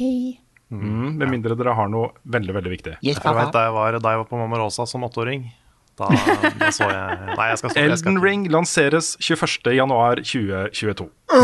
Toppsak. Elden Ring lanseres 21.1.2022. Og Miyazaki sier at uh, de har uh, godt håp om at det er en reell dato. ok. Åh! Det langt nok. Mm. Det er kult. Starfield, som er det neste store rollespillet til eh, Bethesda Game Studios, kommer 11.11.2022. Og det er vel på 11-årsdagen til Skyrim, stemmer det? Yes. Ja. Det var 11-11-11 med Skyrim. Ja, så, så de kommer til å, de, der også kommer de til å jobbe sjukt hardt for å nå den datoen. Og det er jo litt skummelt òg, da. Fordi uh, hvis de er for opptatt av å nå den datoen bare for syns skyld, og spillet ikke er ferdig ennå, så er det jo veldig trist, da. Men da Da vet vi jo når at- Elder Scroll 6 kommer. Det er jo 11-11-33. Ja, ja, da, godt poeng, Karl. da nå Sorry. Da, at de må jobbe sjukt hardt for å nå den datoen, da blir jeg sånn Å, da, da må de bare crunche til helvete. Og da er jo Ja, ikke ja, ja. hyggelig. Nei. Ja. Ja, Men nei. det ble jo da også bekrefta at, eh, at dette spillet og andre Bethesda-spill ikke kommer på PlayStation. Nei. Ikke kommer på PlayStation. Så vet dere det. Ikke noe Eh. Breath of the Wild 2 lanseres i 2022. Um, ikke uventa. Nintendo hadde- flere store nyheter. Mario Party Superstars, eh, også Mario Party Greatest Hits, på en måte, 29. oktober i år. Eh, Metroid Dread 8. oktober i år. Warrior Get It Together 10. september i år. Også disse remakene da av Super Monkey Ball. eh, var det september, Frida? Da høres kjent ut. Ja, det er i hvert fall i år. Ja. I år. Mm, mm. Det var vel tre, var det tre Super Monkey Ball-spill pluss en sånn, eh, et sidespill et eller annet? Det er i hvert fall Super? Monkey Ball, Super Monkey Ball 2 og Super Monkey Ball Deluxe. eh, som Nettopp, jeg- ja. nettopp, nettopp. Eh, da jeg prøver å finne datoen, men jeg kan ikke 5. oktober. 5. oktober. S- Står det, står det her at det kommer til PlayStation 5, Xbox, Switch, PlayStation 4, Xbox One og PC? Ja, det kan godt Yes. tenkes, det. Funky! Mm. Og så da Tekken eh, kommer til Smash. Hva het han der Kazuya. som eh, Kazuya. Kazuya Mishima. Banjo-Kazooie. Ja, også veldig morsom trailer hvor han uh, kaster alle Smash-karakterene utfor et uh, stort stup. Stemmer. Mm, kjempegøy. Det er sånn de oppdrar barna sine i Tekken. Yes. Vi fikk også se masse gameplay fra Battlefield 2042. Det blir nok eh, høstens kanskje største spill, tror jeg, for mange. Ja. Uh, lanseringsdatoen der er 22. Multiplayer only. Uh, og så har vi vært innom dette spillet her også tidligere i eh, denne episoden. Tiny Tinas Wonderlands 2022 er et Borderlands avleggerspill med da Andy Samberg, Will- Arnett, Wanda Sykes i, eh, i, rolle, i hovedrollene i selve spillet. Og da selvfølgelig Ashley Bursh som Tiny Tina. Yeah. Uh, og narrator, på en måte. Uh, Game Master. Det kan bli fett. Uh, Forza Horizon 5 ble avduka 7.11. i år. Eh, Halo Infinite ble grundig vist fram også på Xbox. Eh, det ble da kjent at multiplayer-delen blir en egen separat del som blir free to play. Free to play, free to play. Men den vil også da ha en egen campaign, som de sier skal speile følelsene folk fikk fra de originale Halo-campaignsa. Så jeg, jeg hører dere sier det, eh, 343 og Microsoft. Jeg håper det stemmer. Eh, Xbox-pressekonferansen ble avslutta med et annet spill vi har snakka om tidligere. Redfall fra Arcane. Det mm, Ja, good shit. Sommeren 2022 er datoen på den foreløpig. Uh, Guardians of the Galaxy er på vei. 26.10 kommer det. Det er en helt ny historie. Uh, laget av utviklerne. Square Enix uh, Er det Montreal? Er det ikke Eidos som lager det? Eidos Montreal. Eidos Montreal. Mm. Med Square Enix publisher, selvfølgelig. Um, dette er vel teamet bak de siste Tomb Raider-spillene, er det ikke det? Jo, det stemmer. Mm. Eh, et annet eh, tie-in-spill, Avatar, Frontiers of Pandora, eh, vil bli lansert i 2022. Et open world-spill hvor du spiller som en Navi. Um, ja. Så fikk vi litt nytt fra Far Cry 6, som jo hadde brukt tiden før etere til å komme med alle de store, store avdukkingene i egne greier. Men på etere fikk vi da vite at det kommer delelse eh, gjennom season passet til det spillet hvor du skal kunne spille som både Vaz, Pagan Min og Joseph Seed, som er da skurkene fra de tre forrige Far Cry-spillene. Så det så litt eh, spenstig ut. Vi eh, hadde jo fått ryktene på forhånd om et, eh, et uh, Souls-like uh, Final Fantasy-spill. Vi har snakka om det allerede. Uh, Stranger to Paradise, Final Fantasy Origin fra Team Ninja ble jo da avduka på etere, som venta. Um, vi er jo ganske glad i, eller særlig du da, Carl, ganske glad i Her Story og Telling Lies fra Sam Barlow. Og på E3 så fikk vi den første smakebiten fra Barlows neste spill. Det heter Immortality. Hvor uh, du får da historien om en ung skuespillerinne som heter Marissa Marcel. Som var da med i tre filmer som aldri har blitt utgitt. Og så forsvant hun. I'm into this. Ja, Det er ekkelt. 30. juni kommer Doki Doki Literature Club Pluss med nye sidehistorier og masse ekstra greier. Yeah. det kommer da til alle plattformer, det også, inkludert Switch. Så uh, spennende å se hva det er for noe. Hvordan kommer det til å funke? Ja, godt spørsmål. Jeg vet ikke. Jeg har, jeg har liksom tenkt tanken Skal man spille det spillet en gang til? Men jeg tenker uten den der overraskelsen. Altså twisten. Ja. Jeg syns spillet er bra uavhengig av twisten. Ja. Men, um, men ja. Jeg tror du skal kunne spille de sidestoryene som standalone. Ok. Ja, kanskje det også. Det kommer også en Directors Cut av en eller annen grunn til Death Stranding til PlayStation 5. Det er bare PS5-versjonen som er annonsa der eh, foreløpig. Det, jeg har jo hatt lyst til å spille en gang til, men jeg har platinum i det spillet. Og jeg har spilt det mye nå, altså. Jeg har spilt gjennom det eh, to hele ganger. Hvordan den siste hele gangen var jo for å gjøre platinum. Eh, og for å sjekke om jeg, uh, om jeg tok feil. Som det viser seg at jeg gjorde. Jeg ga det jo for lav score i forhold til hva det fortjener, uh, syns jeg da, etter andre gjennomspilling. Så det er ikke et seks av ti-spill, det er et åtte av ti-spill, syns jeg. Min, min mening. Um, Stalker 2, Heart of Chernobyl, har vi allerede snakka mye om. Det kommer 28.4.2022. Dette spillet har jo vært kjent uh, at det skulle komme en god stund. Men uh, det har jo hatt en veldig broka historie. Det har blitt kansellert to ganger fra det ble annonsa første gang. Bytta teams da to ganger. Eh, tre ganger blir jo det. Først ett, og så ble den lagt ned. Og så, den lagt ned, så nå er det tredje teamet som jobber med det. nå. Du har skifta to ganger. Det har skifta to ganger, men det er tre teams som har jobbet med Stalker 2. um, Back for Blood, som er uh, det neste spillet til utviklerne av Left 4 Dead, kommer 12.10. Uh, der er det også en egen PVP-del som jeg syns så ganske spennende ut. Uh, Avalanche, som er utviklerne av Just Cause, uh, jobber nå med et nytt open world-spill som heter Contraband. Der vet vi ikke noe mer enn det. Uh, 12 Minutes, et av årets mest lovende indiespill, fikk dato. Det er 19. august. Uh, Psychonauts 2 fikk også dato, 25. august. Um, det kommer en oppfølger av uh, Slime Rancher. Uh, den, er, den kommer i 2022. Um, det kommer et helt nytt, uh, sånn seriøst snowboardspill til Xbox og PC som heter Shredder. Shredders, var det vel kanskje? Shredders, tror jeg. Shredders, jeg tror det var Shredders. Som er litt sånn derre uh, callback til Amped og uh, disse uh, litt sånn seriøse snowboardspillene som kom på 2000-tallet. Ja, ikke fullt så crazy som Cool Borders og SSX og alle de. Nei. Hva er det det het av den uh, andre ja, nei, Glem det. Vi stopper ikke der.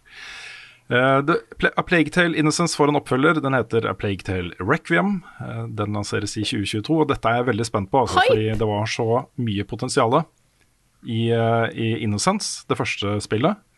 Uh, men også tydelig at det kom fra et ferskt uh, team med mange store ideer som Noen av de funka kjempegodt og var godt implementert, andre ting ikke fullt så mye. Så her er det potensial til å lage et skikkelig skikkelig bra spill, når de har den erfaringa de har fått. da. Åh, jeg gleder meg til å smelte PC-en min med streamer og spillet igjen. ja, ikke sant? uh, skal vi se. Age of Empires 4 fikk dato 28. oktober. Mange som gleder seg til det. Eh, Microsoft Flight Simulator kommer til uh, GamePass på Xbox 27. juli, og da er det Series S og X. Pluss at det får en Top Gun delelse i desember.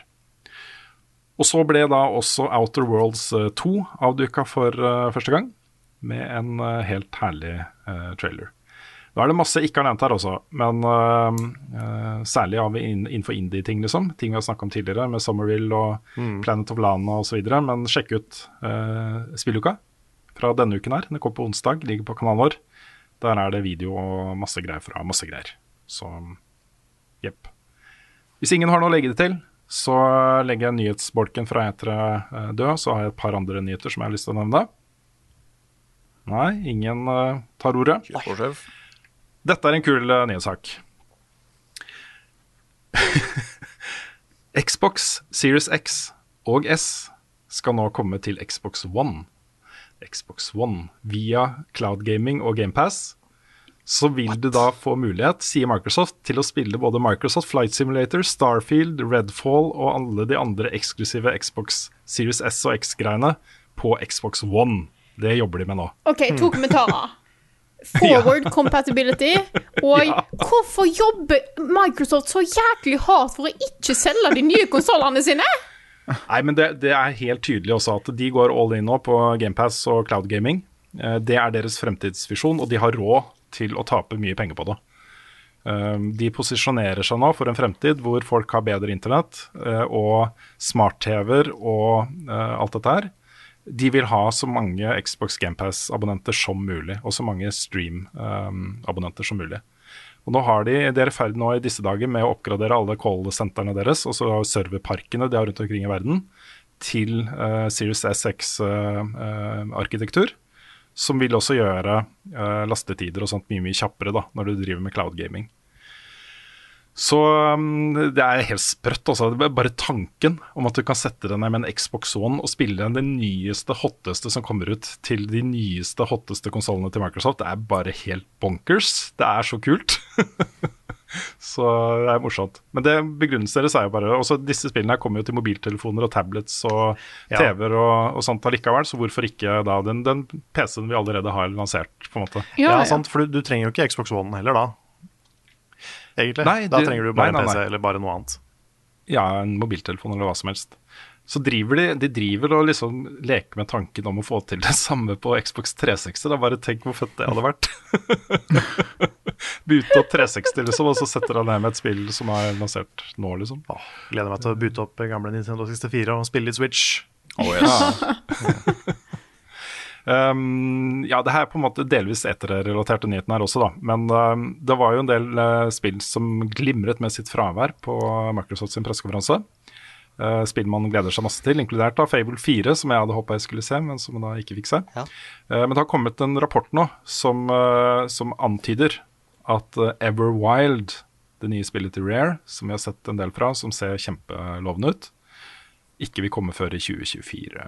2024. Eh, grunnen skal visstnok være at de har uh, reboota eh, engine og starta litt fra scratch med konseptet. Så da må vi smøre oss med litt eh, tålmodighet. Og så nevner jeg til slutt, eh, mest fordi dette har vært en liten føljetong det siste året, eh, eh, nemlig Cyberpunk 2077. Det er nå tilbake på PlayStation Store fra 21. juni. 21. juni kommer det tilbake. Det ble jo fjerna fra PlayStation Store fordi det ikke var ferdig nå.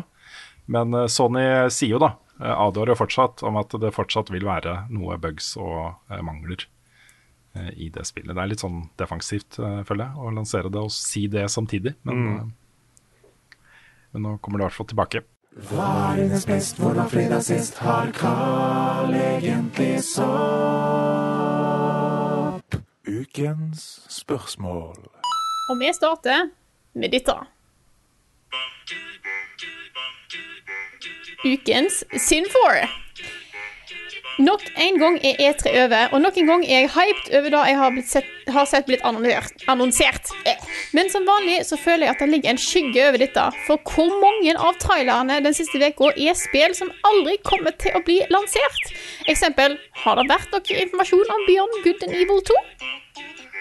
Ja. Dette er et spørsmål fra Trond Sinfor Borgersen. Det var Stemmer, det stemmer. wildcardet romkameraten og håpa så hardt på at bare, bare, bare litt, vær så snill. Bare vis at det ikke er dødt. Vær så snill. Jeg tror Beyond Good and Evil 2 er dødt. Ja. Jeg er litt redd for det. Jeg tror litt redd for det, ja. Det har vært dødt før og kommet tilbake igjen, så um, Ja. det er nesten sånn som Stalker 2, virker det som. Jeg ble bekymra for det prosjektet når de begynte å snakke på en måte mer om, uh, om det å på en måte commissione eh, fansen til, til å levere um, design til spillet. Ja. Som en, sånn, som en sånn egen ting, liksom. Hvor du kunne liksom kle husvegger med dine kunstverk, og du kunne liksom designe gjenstander og sånt som skulle være i spillet. Det var en thang, stemmer det. ja, det hørtes ut mer som en sånn derre litt sånn ehm, Det kan godt tenkes at dette blir noe av deg, jeg vet ikke også, men eh, det hørtes så langt unna. Nå sitter vi og jobber med spill, folkens. Og det- jeg ble litt bekymra rundt det. Det var jo også noen sånne bak lukkede dører-visninger um, i starten her, når det ble rekunngjort, uh, som også viste at det var veldig, veldig veldig langt unna. Ja. Det var liksom bare han der apen på toppen av en bygning eller noe sånt, og så var det liksom ikke noe mer. Mm. Og I tillegg da så, så virker det jo som om Michelle Ancel er ute, eh, helt ute av eh, konseptet og prosjektet. Og eh, i en sånn situasjon så kan det jo fort oppstå et eh, vakuum, hvor eh, man ikke klarer å fylle på en måte det tomrommet på en god nok måte.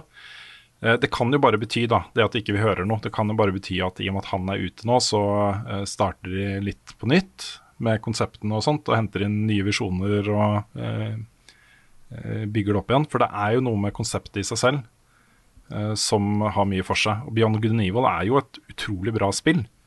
Eh, også det originale, det første. Eh, så det å på en måte få litt av den samme designfilosofien da i moderne settinger, også moderne grafikk og for moderne konsoller og plattformer, er en god idé. Og det, det tror jeg nok Ubisoft fortsatt tenker, da.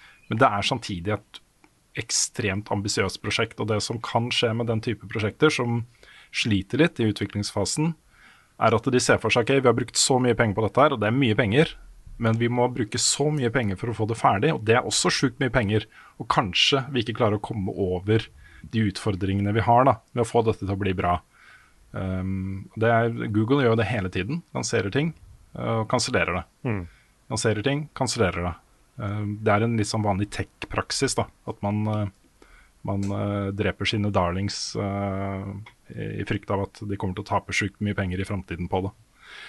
Så nå er jeg veldig negativ, og jeg vet jo ingenting. Jeg vet jo ikke om de fortsatt jobber med det eller ikke. Men uh, jeg har en mistanke da, om at uh, dette prosjektet er litt uh, ute å kjøre. Jeg tror at mesteparten av spillene vi så på E3, kommer til å bli noe av. Jeg følte de i år var relativt flinke på å kun vise spill som, som kommer til å komme ut. Mm. Det var ingen Det var ikke noen sånn eh, Her er en, en natur og tittel. Det var veldig få sånne. Mm. Eh, men eh, jeg sitter og tenker på Jeg tror jeg tror Pikmin 4 er dødt. Jeg tror bare ingen har lyst til å si noe om det. Eh, sist gang vi hørte noe fra det, var vel at eh, i 2015 at Shigeru Miyamoto sa at han nesten var ferdig. Eh, da tror jeg aldri Da tror jeg ikke kommer. Nei, men det må være en sånn der uh, oversettelsesfeil eller noe, tror jeg. For det kan Ja. jo ikke ha vært nesten ferdig i 2015 og så fortsatt ikke ute. Men uh, det får nå bare være. Men jeg, jeg tror faktisk, i hvert fall alle de store tingene uh, i år kommer til å komme ut. Ja, jeg tror også det. Jeg tror de tingene som vi um, kan frykte er uh, i trøbbel, bare ikke ble vist fram på E3 i år. Så det er jo snakk om Metroid Prime 4 også. Det at de uh, tok det bort da, fra det første teamet og satte over til et nytt team og starta på nytt med det, liksom. Um, nå ble det jo sagt da, at de fortsatt jobber med det, uh, at det går bra. Mm. Men uh, man vet jo liksom ikke. Uh, den største tingen som har skjedd der noen gang, det var vel kanskje da uh, Blizzard bare kansellerte hele Starcraft Ghost. Som jo fins spillbart. Det fins en spillbar demo på sånne debug-maskiner. Som man kan spille på debug-maskiner. Uh, fins der ute. Mm. Folk har spilt det, liksom. Det skulle komme til GameCube, uh, det. Skulle ikke det? Jo, stemmer det. Det skulle komme til GameCube. Eh, og det var et svært prosjekt hvor det jobba masse med det. Eh, så ble det bare kansellert. Er, begrunnelsen er det, da. At uh, dette lever ikke opp til de standardene vi har. Um, vi velger å ta det tapet um, fordi vi i lengden kommer til å tjene på det. Mm. Så, um, så det er litt skummelt, uh, dette her. Uh, jeg vet ikke. Når jeg hørte at uh, Everwild uh, har begynt på nytt, liksom, Mm. så ble jeg jo litt stressa på det spillet også. Det, det hender jo liksom at de viser fram ting som uh, viser seg at ja, var kanskje ikke så god idé likevel, eller dette får vi ikke helt til sånn som vi har lyst til, osv. Nei, sant. Samtidig så er det jo en kultur for å annonsere spill altfor, altfor, altfor tidlig. mm, Um, så jeg tviler jo ikke på at de fortsatt jobber ræva av seg med Perfect Dark og med Fable, at de fortsatt kommer. Mm, Uh, sammen med Bayonetta 3. Nå så jeg han, uh, han Platinum-fyren som jobber med Bayonetta, var jo fly forbanna fordi fans maste så mye. Bare, Men de, de jobber jo, vi jobber jo med det! Bare vent! Ja, han går Så- jævlig ut og sier at 'vi jobber med det, det går bra'. Ja, og det er en ja. måte, da er jeg, jeg godtar det. Mm. Jeg Nå har han blitt, nå har han blitt sinna, liksom. Det er sånn, nå, Ja. må folk slutte å mase! ja, det er sånn, sikkert- mer, det er sikkert- mer Minecraft, please. Ja, det er sikkert litt sånn for mange av de òg, at de, de jobber med det, men det, det krever jo litt tid å sette sammen noe som kan vises fram også. Da. Mm, Det er jo folk som jobber i månedsvis, fulle teams på en E3-demo, liksom. mm, Så kan det jo bare være det at de ikke har prioritert marketing, mm. men at de jobber med spillet. Mm. Og den siste, siste sånn store greia vi fikk da, var jo Anthem. Hvor um, de bare stoppa å ut- jobbe på det etter lansering. Stemmer. Og så satte de seg ned for å lage Anthem 2.0. Da satt jo et lite team og gjorde det lenge. Og så kommer det da en suit inn eh, og sier nei, sorry folkens, vi skrinlegger dette her, og så kan dere gå og begynne å jobbe med andre ting. Det er trist. Ja. Mm. Jeg har jo fortsatt en av favoritt-T-skjortene mine, som er en uh, veldig fancy E3 Fable Legends-T-skjorte. Ja. Ja. The game that never was. Det har blitt så dyrt vet å lage disse svære spillene, i hvert fall de største tingene, at um, du ser jo Sony har jo gått ut og sagt noe tidligere år at uh, nåløyet for å komme gjennom og få et prosjekt godkjent for utvikling har blitt trangere nå. Mm. Fordi um, eh, risikoen er høyere. Det tar lengre tid å lage de spillene, det er, trenger flere folk og eh, har blitt dyrere å, å lage spill nå. Eh, De, av de største blockbuster-tingene, i hvert fall.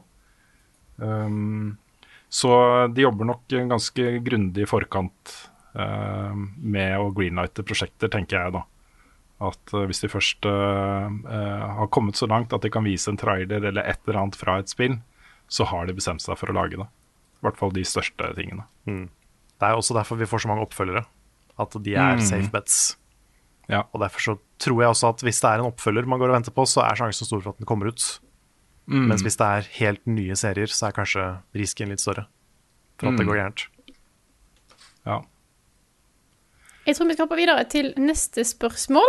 Det er tydelig det er en form for synk i dag, i hvert fall. For akkurat nå fikk jeg melding av Synfor på, på Facebook, så hallo. Ja. oh, da vil vi ta, hoppe videre til neste sett med spørsmål. Dette er nemlig to stykk som lurer på. Eh, Her har vi da Not Impressed som spør hva forventninger og håp har dere til Sony sin pressekonferanse etter å ha sett Microsoft og Nintendo sine. Og Christian Strommen skriver det later til at Microsoft slår kraftig til under E3 i år. Samtidig ser vi store titler komme på flere plattformer om de ikke er Xbox slash GamePass eksklusive. Som et forsøk på PS5-døderen nå. Og hva med PlayStation til fravær? Hva tror dere Sony må dra frem fra ermet? Hva vil vi se som tilsvar, og når kommer det? Parentes, Nintendo gir selvfølgelig sin egen greie. Alltid. ja, det kan de fortsette med å gjøre. Ja. Det går fint med Nintendo. Er ikke, det er ikke synd på de. Jeg så noe om at de har hatt den mestselgende konsollen 30 måneder på rad. Mm. Stemmer det. Da er ikke det dumt. eh, hakka møkk. Nei, hakka gull. hakka gull. Hakka gull. Det er kanskje ikke så rart at ikke de lanserer Switch Pro når det går så bra. Ja, ja det var, Vi var jo så sikre på at det kom til å komme. Mm. Det er ikke kommet en dritt om det. Kanskje vi bare må slutte å snakke om den konsollen før den kommer.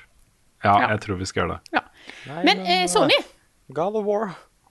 Ja. Ja. Final Fantasy 16. Der har, de, har de noen av de store trailerne sine, så kommer de bra ut, altså. Mm. Altså, Sony har sagt at de har uh, inhouse uh, 25 spill under utvikling akkurat nå. Til PlayStation 5, og noen av det også da til PS4. Mm. Um, jeg er ganske sikker på at, uh, at når de først setter seg ned og har en, uh, en State of Play seinere i sommer, så kommer de til å ha mye fett å vise fram. Um, ja, det er jeg ganske sikker på også. De har så flinke teams og så mange uh, populære, gode serier. uh, og så mange gode ideer. At, eh, at jeg tror ikke folk skal være bekymra for at ikke det vil komme bra ting til PlayStation-konsollen i årene framover. Men det vi så på årets etere, var jo på en måte det første beviset da, på at Microsoft nå tar spillutvikling mer seriøst igjen. Um, og de gikk jo ut og kjøpte opp flere selskaper uh, de siste årene, inkludert da Bethesda som den største der. Uh, og det er jo uh, for å lage spill som er eksklusive til de plattformene som Microsoft er på. Um, nå vet vi også at de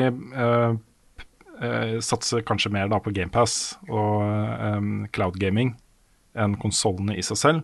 Og jeg, jeg tror nok det er, det er ikke Microsoft det skal stå på for å få uh, GamePass på Switch eller på PlayStation. De, de hadde vært klare i dag med å lansere det på de plattformene. Garantert, altså. Så um, jeg, tenk, jeg tenker at det er et, uh, et signal da, om hvor de går. Men det er i hvert fall nå finansierer de spill. Det er det de gjør da, i praksis. De finansierer Starfield og Elder Scrolls 6 og alle disse andre tingene som, som er på vei. Hellblade uh, uh, 2 Nei, Hellblade? Hellblade? Ja, Hellblade. og så videre, ikke sant. Psychonauts 2 kommer jo til flere plattformer, da, men de har kjøpt opp Double Fine. Mm. Så um, det er konkurranse igjen, på en måte. Det er ingen tvil om at Sony vant forrige generasjon når det gjelder spill. Eksklusive spill. det er, ha hva forskjell på PlayStation 4 og Xbox One. Eh, nå vil det bli mye, mye tettere også. Mye jevnere mellom de to. Det er interessant å se hvordan dette her går i bølger, fordi at det var vel Xbox 360 som var den beste i generasjonen før der igjen. Ja da. Mhm. Det er gjerne sånn at den ene blir eh, litt høy på seg sjøl, og så kommer den andre fram, og så bytter de. Mm. Mm. Nei, men Det er ta litt et eh, sant i det. Ja. Har, eh, har en av dere et spørsmål på lager? Kan jeg ta et? Ok. Det er fra Gorenix på Patreon. Eh, Ifølge Hidetaka Miyazaki er storyen i Elden Ring mer karakterdrevet, lettere å forstå og mindre abstrakt. Ser dere, det, ser dere på dette som en positiv forandring? Ingen bekymringer for om FromSoft-magien bevares i like stor grad. Jeg tror det er pga. George R. Martin at de mer karakterdrevne historiene kommer mer fram. Og det er noe uh, Miyazaki har sagt sjøl at han føler han er dårlig på. Det å skrive dialog og skrive characters.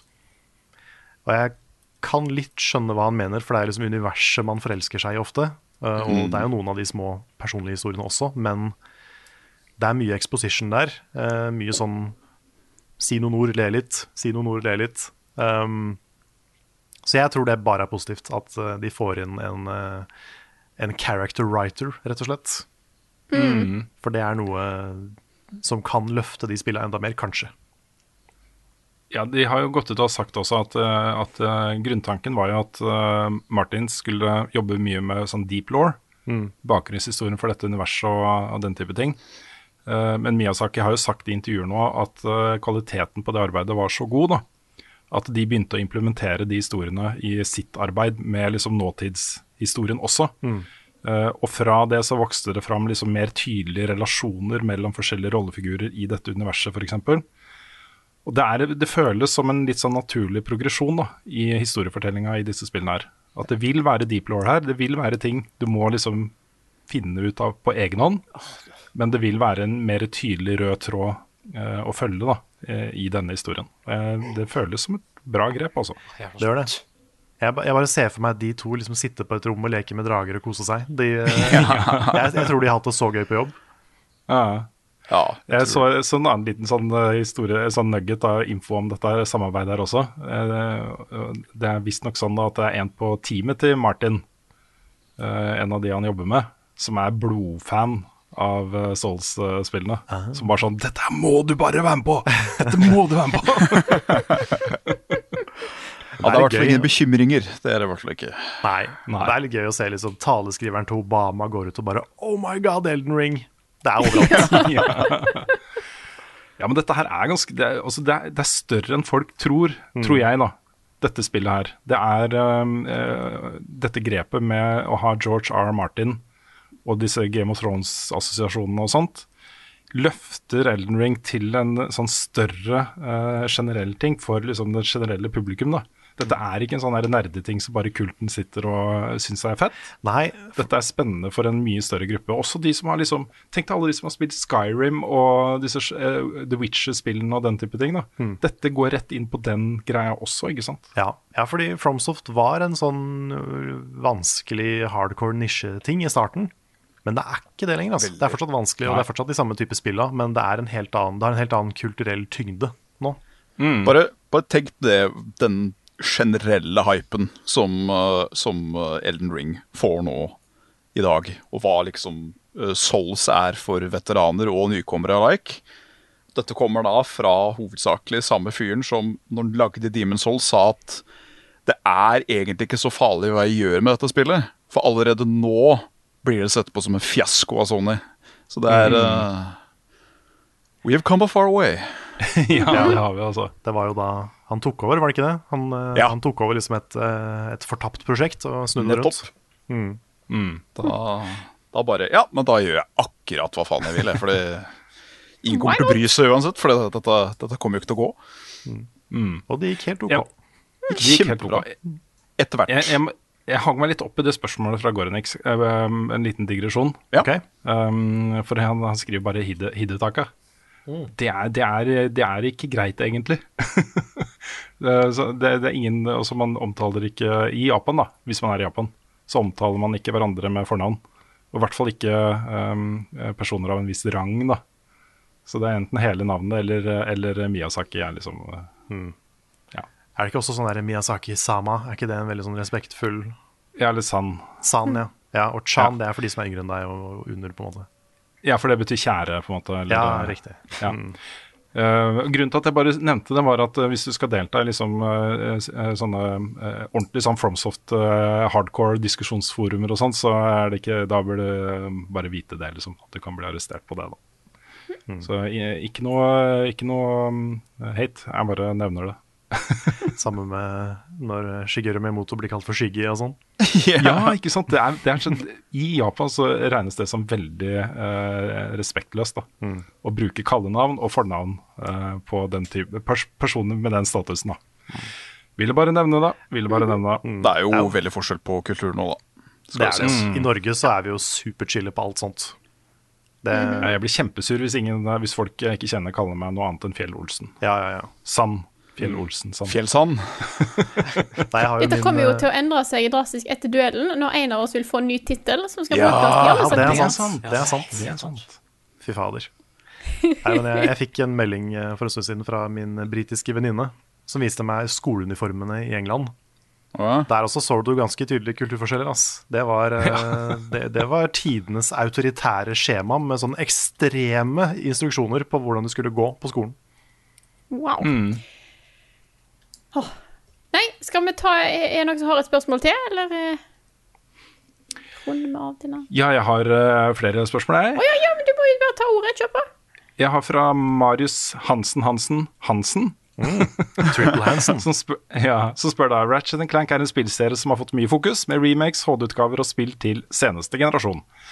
Hvorfor tror dere at plattformklassikere som Jack and Daxter og Sly Cooper ikke har fått samme behandlingen?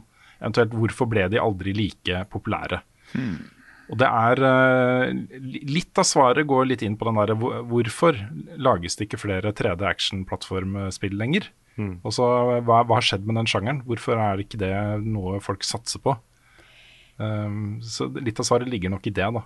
Jeg har en, jeg har en liten hypotese her. Ja. Eh, og det er litt uh, Spill har gått gjennom en utvikling. Eh, I dag, den tida der 3D-plattformer var veldig store, så var det ganske cartoony. Det var ganske tullete. Det var, spill var jo laget for, for yngre folk. Dette var jo ikke noe voksne folk skulle holde på med. Men etter hvert så fikk du et skifte der alt skulle bli så jæklig seriøst. Og serious og grått og trist. Uh, og spillverden og media har jobba seg bak, tilbake igjen og tar seg sjøl litt mer useriøst og lager litt forskjellige spill, men jeg føler de har ikke helt havna tilbake igjen på den, uh, den tøysete, lettbeinte delen. Uh, du kan se det en del indiespill, men jeg føler ikke trippel A helt har havna der ennå. Mm. Det er det er nok en del eh, Jeg tror du har ganske rett i den, den der også, Frida. Det er jeg, jeg, jeg husker den perioden innmari godt. Hvor Altså Ratchet Clank, Det første Ratchet Clank kom jo ut Jeg tror det var samme dag ja, som GTA San Andreas. Oi. Det var liksom sånn eh, Begge to liksom sånne store åpne ting hvor du kunne gjøre masse forskjellig og sånt, men på hver sin ende av liksom eh, eh, seriøs skalaen. da. Um, og det, det, det føltes på meg der som et sånn skifte i hva folk var liksom hyppe på da, i, i spill. Uh, det skjedde noe etter der. Det var etter, etter GTA, uh, og kanskje litt sånn COD og sånt også, at uh, dette skiftet skjedde. Det, um, det, det er jo synd, altså. Eh, jeg også syns det, særlig de tre seriene her, da, uh, Ratchet Clank og Sly og Jack, var jo mye av grunnen til at eh, PlayStation 2 ble så liksom stor som den ble. da. Det var, en, det var viktige ting å ha på den plattformen som en konkurrent til Nintendo. Det var på en måte et vestlig svar på Zelda og Mario, ikke sant? Um, og eh, savner også uh, nye spill i de seriene. Eh, men dette er jo også da serier hvor teamene bak har på en måte også gått videre og lagd nye ting. Nye serier nye konsepter, ting de eh, eh, kanskje er mer knytta til nå. Da. Eh, det blir jo gjerne sånn at man jobber seg litt ferdig med et konsept, og så går man videre. Bungie med Halo, f.eks. De lagde jo tre mainline-spill pluss et par uh, avløpere, liksom. Og følte seg ferdig, helt ferdig med Halo. Og, ja. Ja. Jeg husker det, det slo meg sånn på slutten av 2000-tallet, Når jeg jobba på elektrobutikk, og så spillhyllene eh, i butikken. Mm. For det var basically bare 15 pluss aldersgrensespill på både PlayStation Mhm. 3 og Xbox 360-hylla. Og så var det Ja. barnespill på Nintendo-hylla, liksom. Ja, Og det var bare det. Um, Ja, hver gang vi snakker om Nintendo-spill, så blir vi omtalt som en barnespillredaksjon Ja, av noen. det, er, det, det er bare tull, forresten. Ja, bare tull. Uh, men uh, jeg tror jo da at vi er på vei tilbake til litt mer uh, barnlige spill, som Jon Cato kalte det for lenge siden. Eh, Mm. Fordi det er jo en del av Jeg føler spillmediet har vokst veldig veldig opp de siste eh, seks, sju, åtte åra. De har Mm. gått fra å være litt sånn fjortis mature til å være faktisk modne mer og mer. Ja, helt Eh, enig. og en del av den oppveksten føler jeg også er å tørre å være litt barnslig. Mm. Så jeg tror vi får mer av de spilla tilbake igjen nå. Fremover. Så tar det gjerne litt tid da, før man ser tydelige trender eh, materialisere seg i andre deler av bransjen. Og nå de siste par årene så har de jo hatt sånne ting som Animal Crossing og Among Us og Fall Guys og sånne spill som har liksom fått voksne mennesker til å bare kose seg og leke igjen da, eh, med spill. Eh, jeg, jeg tror nok det kommer til å være ganske sånn innflytelsesrikt på, på mediet i årene framover. At man våger kanskje da, å satse på ting som er litt mer tøysete. Så er det også interessant å se eh, på Sonic her, med Sonic Mania. Det kan jo hende at vi, eh, hvis vi noen gang får se et nytt Sly-spill f.eks., Mm. at det lages av et annet team, annet team med folk som har vokst opp med Sly, og som er superfans av serien, og som har så lyst til å gjøre dette her, ikke sant? Sonic er en morsom case study på sånne generasjoner og trender og sånn.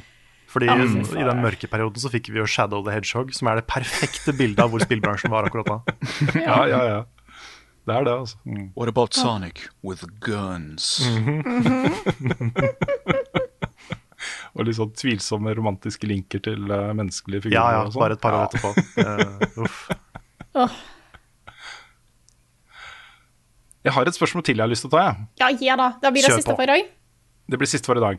Eh, Det er fra Espen uh, Freys Jodnes. eh, og Jeg skal ikke lese hele spørsmålet, men det han eh, sier og klager på, er jo at han gikk jo til det skrittet å kjøpe Han har skaffa seg en PlayStation 5, men han kjøpte den digitale versjonen. Mm. Og situasjonen der er jo at der er jo ikke de nye spillene på tilbud ever. Det Nei. er jo, altså, Vi snakker 800-900 kroner da, for et nytt eksklusivt PlayStation-spill. Stemmer det. Eh, og så tar det ganske lang tid før de kommer på tilbud. Eh, så han sitter han har bare kjøpt Demon Souls, men han har ikke kjøpt Ratchet Clank og han har ikke kjøpt Returnal fordi de er for dyre. Og det er jo en reell problemstilling, tenker jeg, da, eh, for, for mange. At den derre Det at man blir sure for at man føler at man ikke har råd til å være med på launch-bølgen, at man må vente til ting går ned i pris og ikke kan liksom være med på den første bølgen av glede rundt nye utgivelser, er nok litt kjipt for en del folk, altså. Ja, spesielt for det han, det han vil poengtere her, er jo da at fysiske spill er billigere. Ja, det er det som er problemet. Mm. Det er mye sånne da- innkjøptilbud. 400 kroner for det nye PS5-spillet. For det er jo subsidiert. ikke sant? De kjøper inn så stort volum og tenker at ok, hvis vi selger ut eh, disse spillene her til eh, om ikke tap, så i hvert fall null, da. Så kanskje de tar med seg en håndkontroller eller, eh, eller noe annet Ja, fordi- de først er i butikken. Er det det som er liksom grunnlaget til hvorfor fysiske spill er så billige kontra digitale? Ja, ja, ja. På digitale Bare- så får bare derfor. Ja, der tjener Sony bra med penger, og de selger jo spill da til, til butikker, sikkert med en, eh, for en eh, grei innkjøpspris. Eh, og så selges de ut igjen til kanskje til og med tap. Ja, og har Men det er jo Sorry. Ja, nei, fordi Det som er kjipt her, er jo at det er jo mye, mye, mye mye, mye billigere å gi ut spill digitalt enn det er å selge de fysisk. Altså Avansen til Sony er jo sjukt mye høyere når de selger det direkte på sin egen eh, digitale butikk, enn når de skal pakke det inn i plast og sende det ut med lastebiler og ha lagre og produksjon og uh, butikkene skal ha en del av kaka osv. Så, videre, og så, så de tjener jo sjukt mye. Så jeg, jeg blir jo litt provosert. Jeg syns jo ikke de prisene som er digitalt, burde være høyere enn på en måte den laveste utsalgsprisen du har fysisk. da. Nei, de har kutta ut sånn ti mellommenn. ja, de har det. Og sitter igjen med mye større del av kaka. Når du i tillegg ser at det digitale salget har jo nå gått forbi det fysiske salget. Mm. Det skjedde liksom i løpet av eh, 2020. Så var det mange av de store utgivelsene som kom, hvor det digitale salget var høyere enn det fysiske salget. Så da har jo på en måte det digitale erstatta det fysiske, men ikke um, til forbrukernes beste. Og så da har på en måte de bare valgt ok, vi setter opp prisen, liksom. Med begrunnelsen at det blir så dyrt å lage spill, så vi må ta så mye avanse som mulig. Og så tjener du jo grassalt med penger på dette her. Det er jo sjukt mye penger de tjener på det. Mm. jeg har, så, jeg har så lyst til å spille Returnal, for jeg veit at det Ja. er my cup of tea. Oh, yes. Og jeg kikka på PS Store her om dagen, men jeg, jeg kjøper ikke til 900 kroner, altså. Jeg gjør ikke det. Jeg, jeg kan på en måte godta den at spill blir dyrere å lage, men jeg skjønner ikke da hvordan du kan få en så stor forskjell i utsalgspris. Nei, det er helt Sant? At, at, at de fysiske butikkene nå prøver å, å selge det billigere for at folk går der og kjøper det, og kanskje kjøper andre ting, da kan jeg forstå. Men når det nesten er, det er nesten halve prisen, da får jeg ikke til å gå opp. Men det er fins finnes det på PlayStation 5 nettbutikker som selger digitalkoder, eller gjør det ikke det? Nei, du har vel noe resalg av digitalkoder der også. Ja. Det er jo en sånn dodgy delen av eh, Ja, fordi du har de dodgy, sånn, eh, som vi mange har hørt om, men det er jo noen legit også, er det ikke det? I hvert fall på sånn eh, kjøpe alt, altså Det er de som solgte WeShop Points og sånn før. Jeg vet ikke om Går det an å kjøpe digitalkoder på samme måte som du kjøper sånne? Noen av de fysiske, særlig PC-utgivelsene, kommer nå uten disker. Ja. Uh, hvor det hvor det bare er en kode, liksom. Ja, da kjøper du bare koden, ja. Du kjøper bare koden. Men er det sånn på på konsoll? Nei, det er kanskje ikke det på konsoll? Jeg tror ikke det. Nei, jeg er litt usikker. Altså, det er jo, dette er jo en av grunnene, da. Eh, og det er jo et av poengene til Espen, Espen Jodnes også. Uh, dette kan nok uh, føre ganske mange inn i, i fanget til Microsoft uh, i årene framover. Mm. Hvor du har en forutsigbar og ganske lav, uh, sammenligna med hva du får igjen for det, pris for GamePass, hvor alt kommer. Alle de største tingene eh, som lages eksklusivt for Xbox, kommer der gratis tilgjengelig for alle som abonnerer på GamePass. Og det er en mye mer sånn forbrukervennlig følelse, da. Altså den, den følelsen av å få alt dette for bare liksom 100 hundrings i måneden, eller hva det er. For 1200 kroner da, i løpet av et år, så får du ikke kjøpt to eh, fysiske spill til PlayStation 5 engang. Ikke sant? Du får kjøpt ett, og så litt delelse. det er, det er, det er ikke, dette er ikke bra for eh, Sony på, på eh, sikt, tror jeg. da. Jeg tror dette kan være eh, Ja. Så, men det som er situasjonen akkurat nå, da, hvis du går rundt og føler at disse prisene er for høye Og for noen så er det jo på en måte greit, de har råd til det, og de tenker at dette kommer til å spille i 200 timer allikevel, liksom. Så eh, ganske god valuta for pengene uansett. Um, eh, de 200 kronene som jeg, jeg bruker for mye på, på dette spillet, jeg hadde jeg sikkert bare brukt på kaffe latte eller uh, Snickers is, den beste isen, uh, eller noe sånt i, allikevel. Så det er greit. Men uh, for alle andre da, som mener det er for høyt, så må du jo nå dager og vente på salg. Og det kommer jo hyppigere enn før. Uh, prisene går jo ned mye raskere enn de gjorde før. I hvert fall på, på mye. Eh, enkelte spill vil gå jo aldri ned i pris. Eh, GTA 5 og sånt. I'm looking at you. Alt Nintendo. Men det er vel ja, Nintendo. De har vel begynt med Summer Sale på PlayStation, har de ikke det? Jo da, det er, nå er det salg flere ganger i året, så har de egne salgsperioder. Det er en salgsperiode nå, akkurat nå faktisk. Hvor uh, mye av de store tingene er satt ned, om ikke masse, så i hvert fall de 200 kronene, da. Som det egentlig er også kanskje for mye. Eh, så, um, uh, så det er på en måte det man må gjøre, da. Men eh, jeg føler med Espen også, og andre. Vi, vi kjøper jo mye spill selv, vi også. Vi ja, Til redaksjonen, og privat. Og det, det er- blir mye penger av det, altså. Det er dyrt.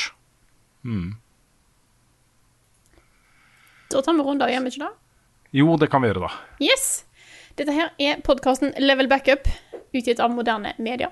Låten i introen og outroen er skrevet av Ole Sønnik Larsen og arrangert og framført av Kyoshu Orkestra. Vignettene er laget av fantastiske eh, Martin Herfjord. Jeg holdt jeg på å hoppe over navnet hans. Jeg bare sånn, det- Hjernen stoppa litt opp. Herfjord samme. Ja, Herfjord samme. Ehm, du finner alt innhold fra oss på youtube.com slash levelupnorge. Der kan du også se den nye sesongen av Duellen. Den kommer hver onsdag fremover. Det er jo det vi bestemte oss for, er det ikke det? Oh, yes. Yes. Det er til å glede seg. Ehm, gå inn på twitch.tv slash levelupnord. Der ligger opptak av alle streamsene våre. Hvis det var noe under E3 du missa, eller hvis du har lyst til å se Carl spille Resident Evil 8, for eksempel. Det kommer til å bli liggende der, så bare Hvis du vil se, så så ligger det der. Og så har vi en eh, webshop. Shop.spreadshot.no slash levelupnorge. Der er det masse knask. Der er det ei T-skjorte hvis du har lyst til å liksom gjøre deg klar til når eh, vi skal begynne å spille Mario Party igjen. Eh, så kan du sitte klar med partyspill-T-skjorta vår. Eh, og gå gjerne inn på pa- patreon.com slash levelupnorge og støtt oss der hvis du har lyst til å støtte det vi gjør. Det setter vi ekstremt stor pris på, så tusen, tusen takk. Tusen hjertelig takk, alle sammen. Og da sier jeg eh, takk for oss for denne gangen. Det var veldig kjekt å ha med en så solid gjeng i podkasten. Så veldig hyggelig at eh, du, Svendsen, og Nick hadde tid til å være innom. Mwah. Og da sier jeg tusen takk for oss, og takk til alle dere som har hørt på. Og så snakkes vi igjen neste uke!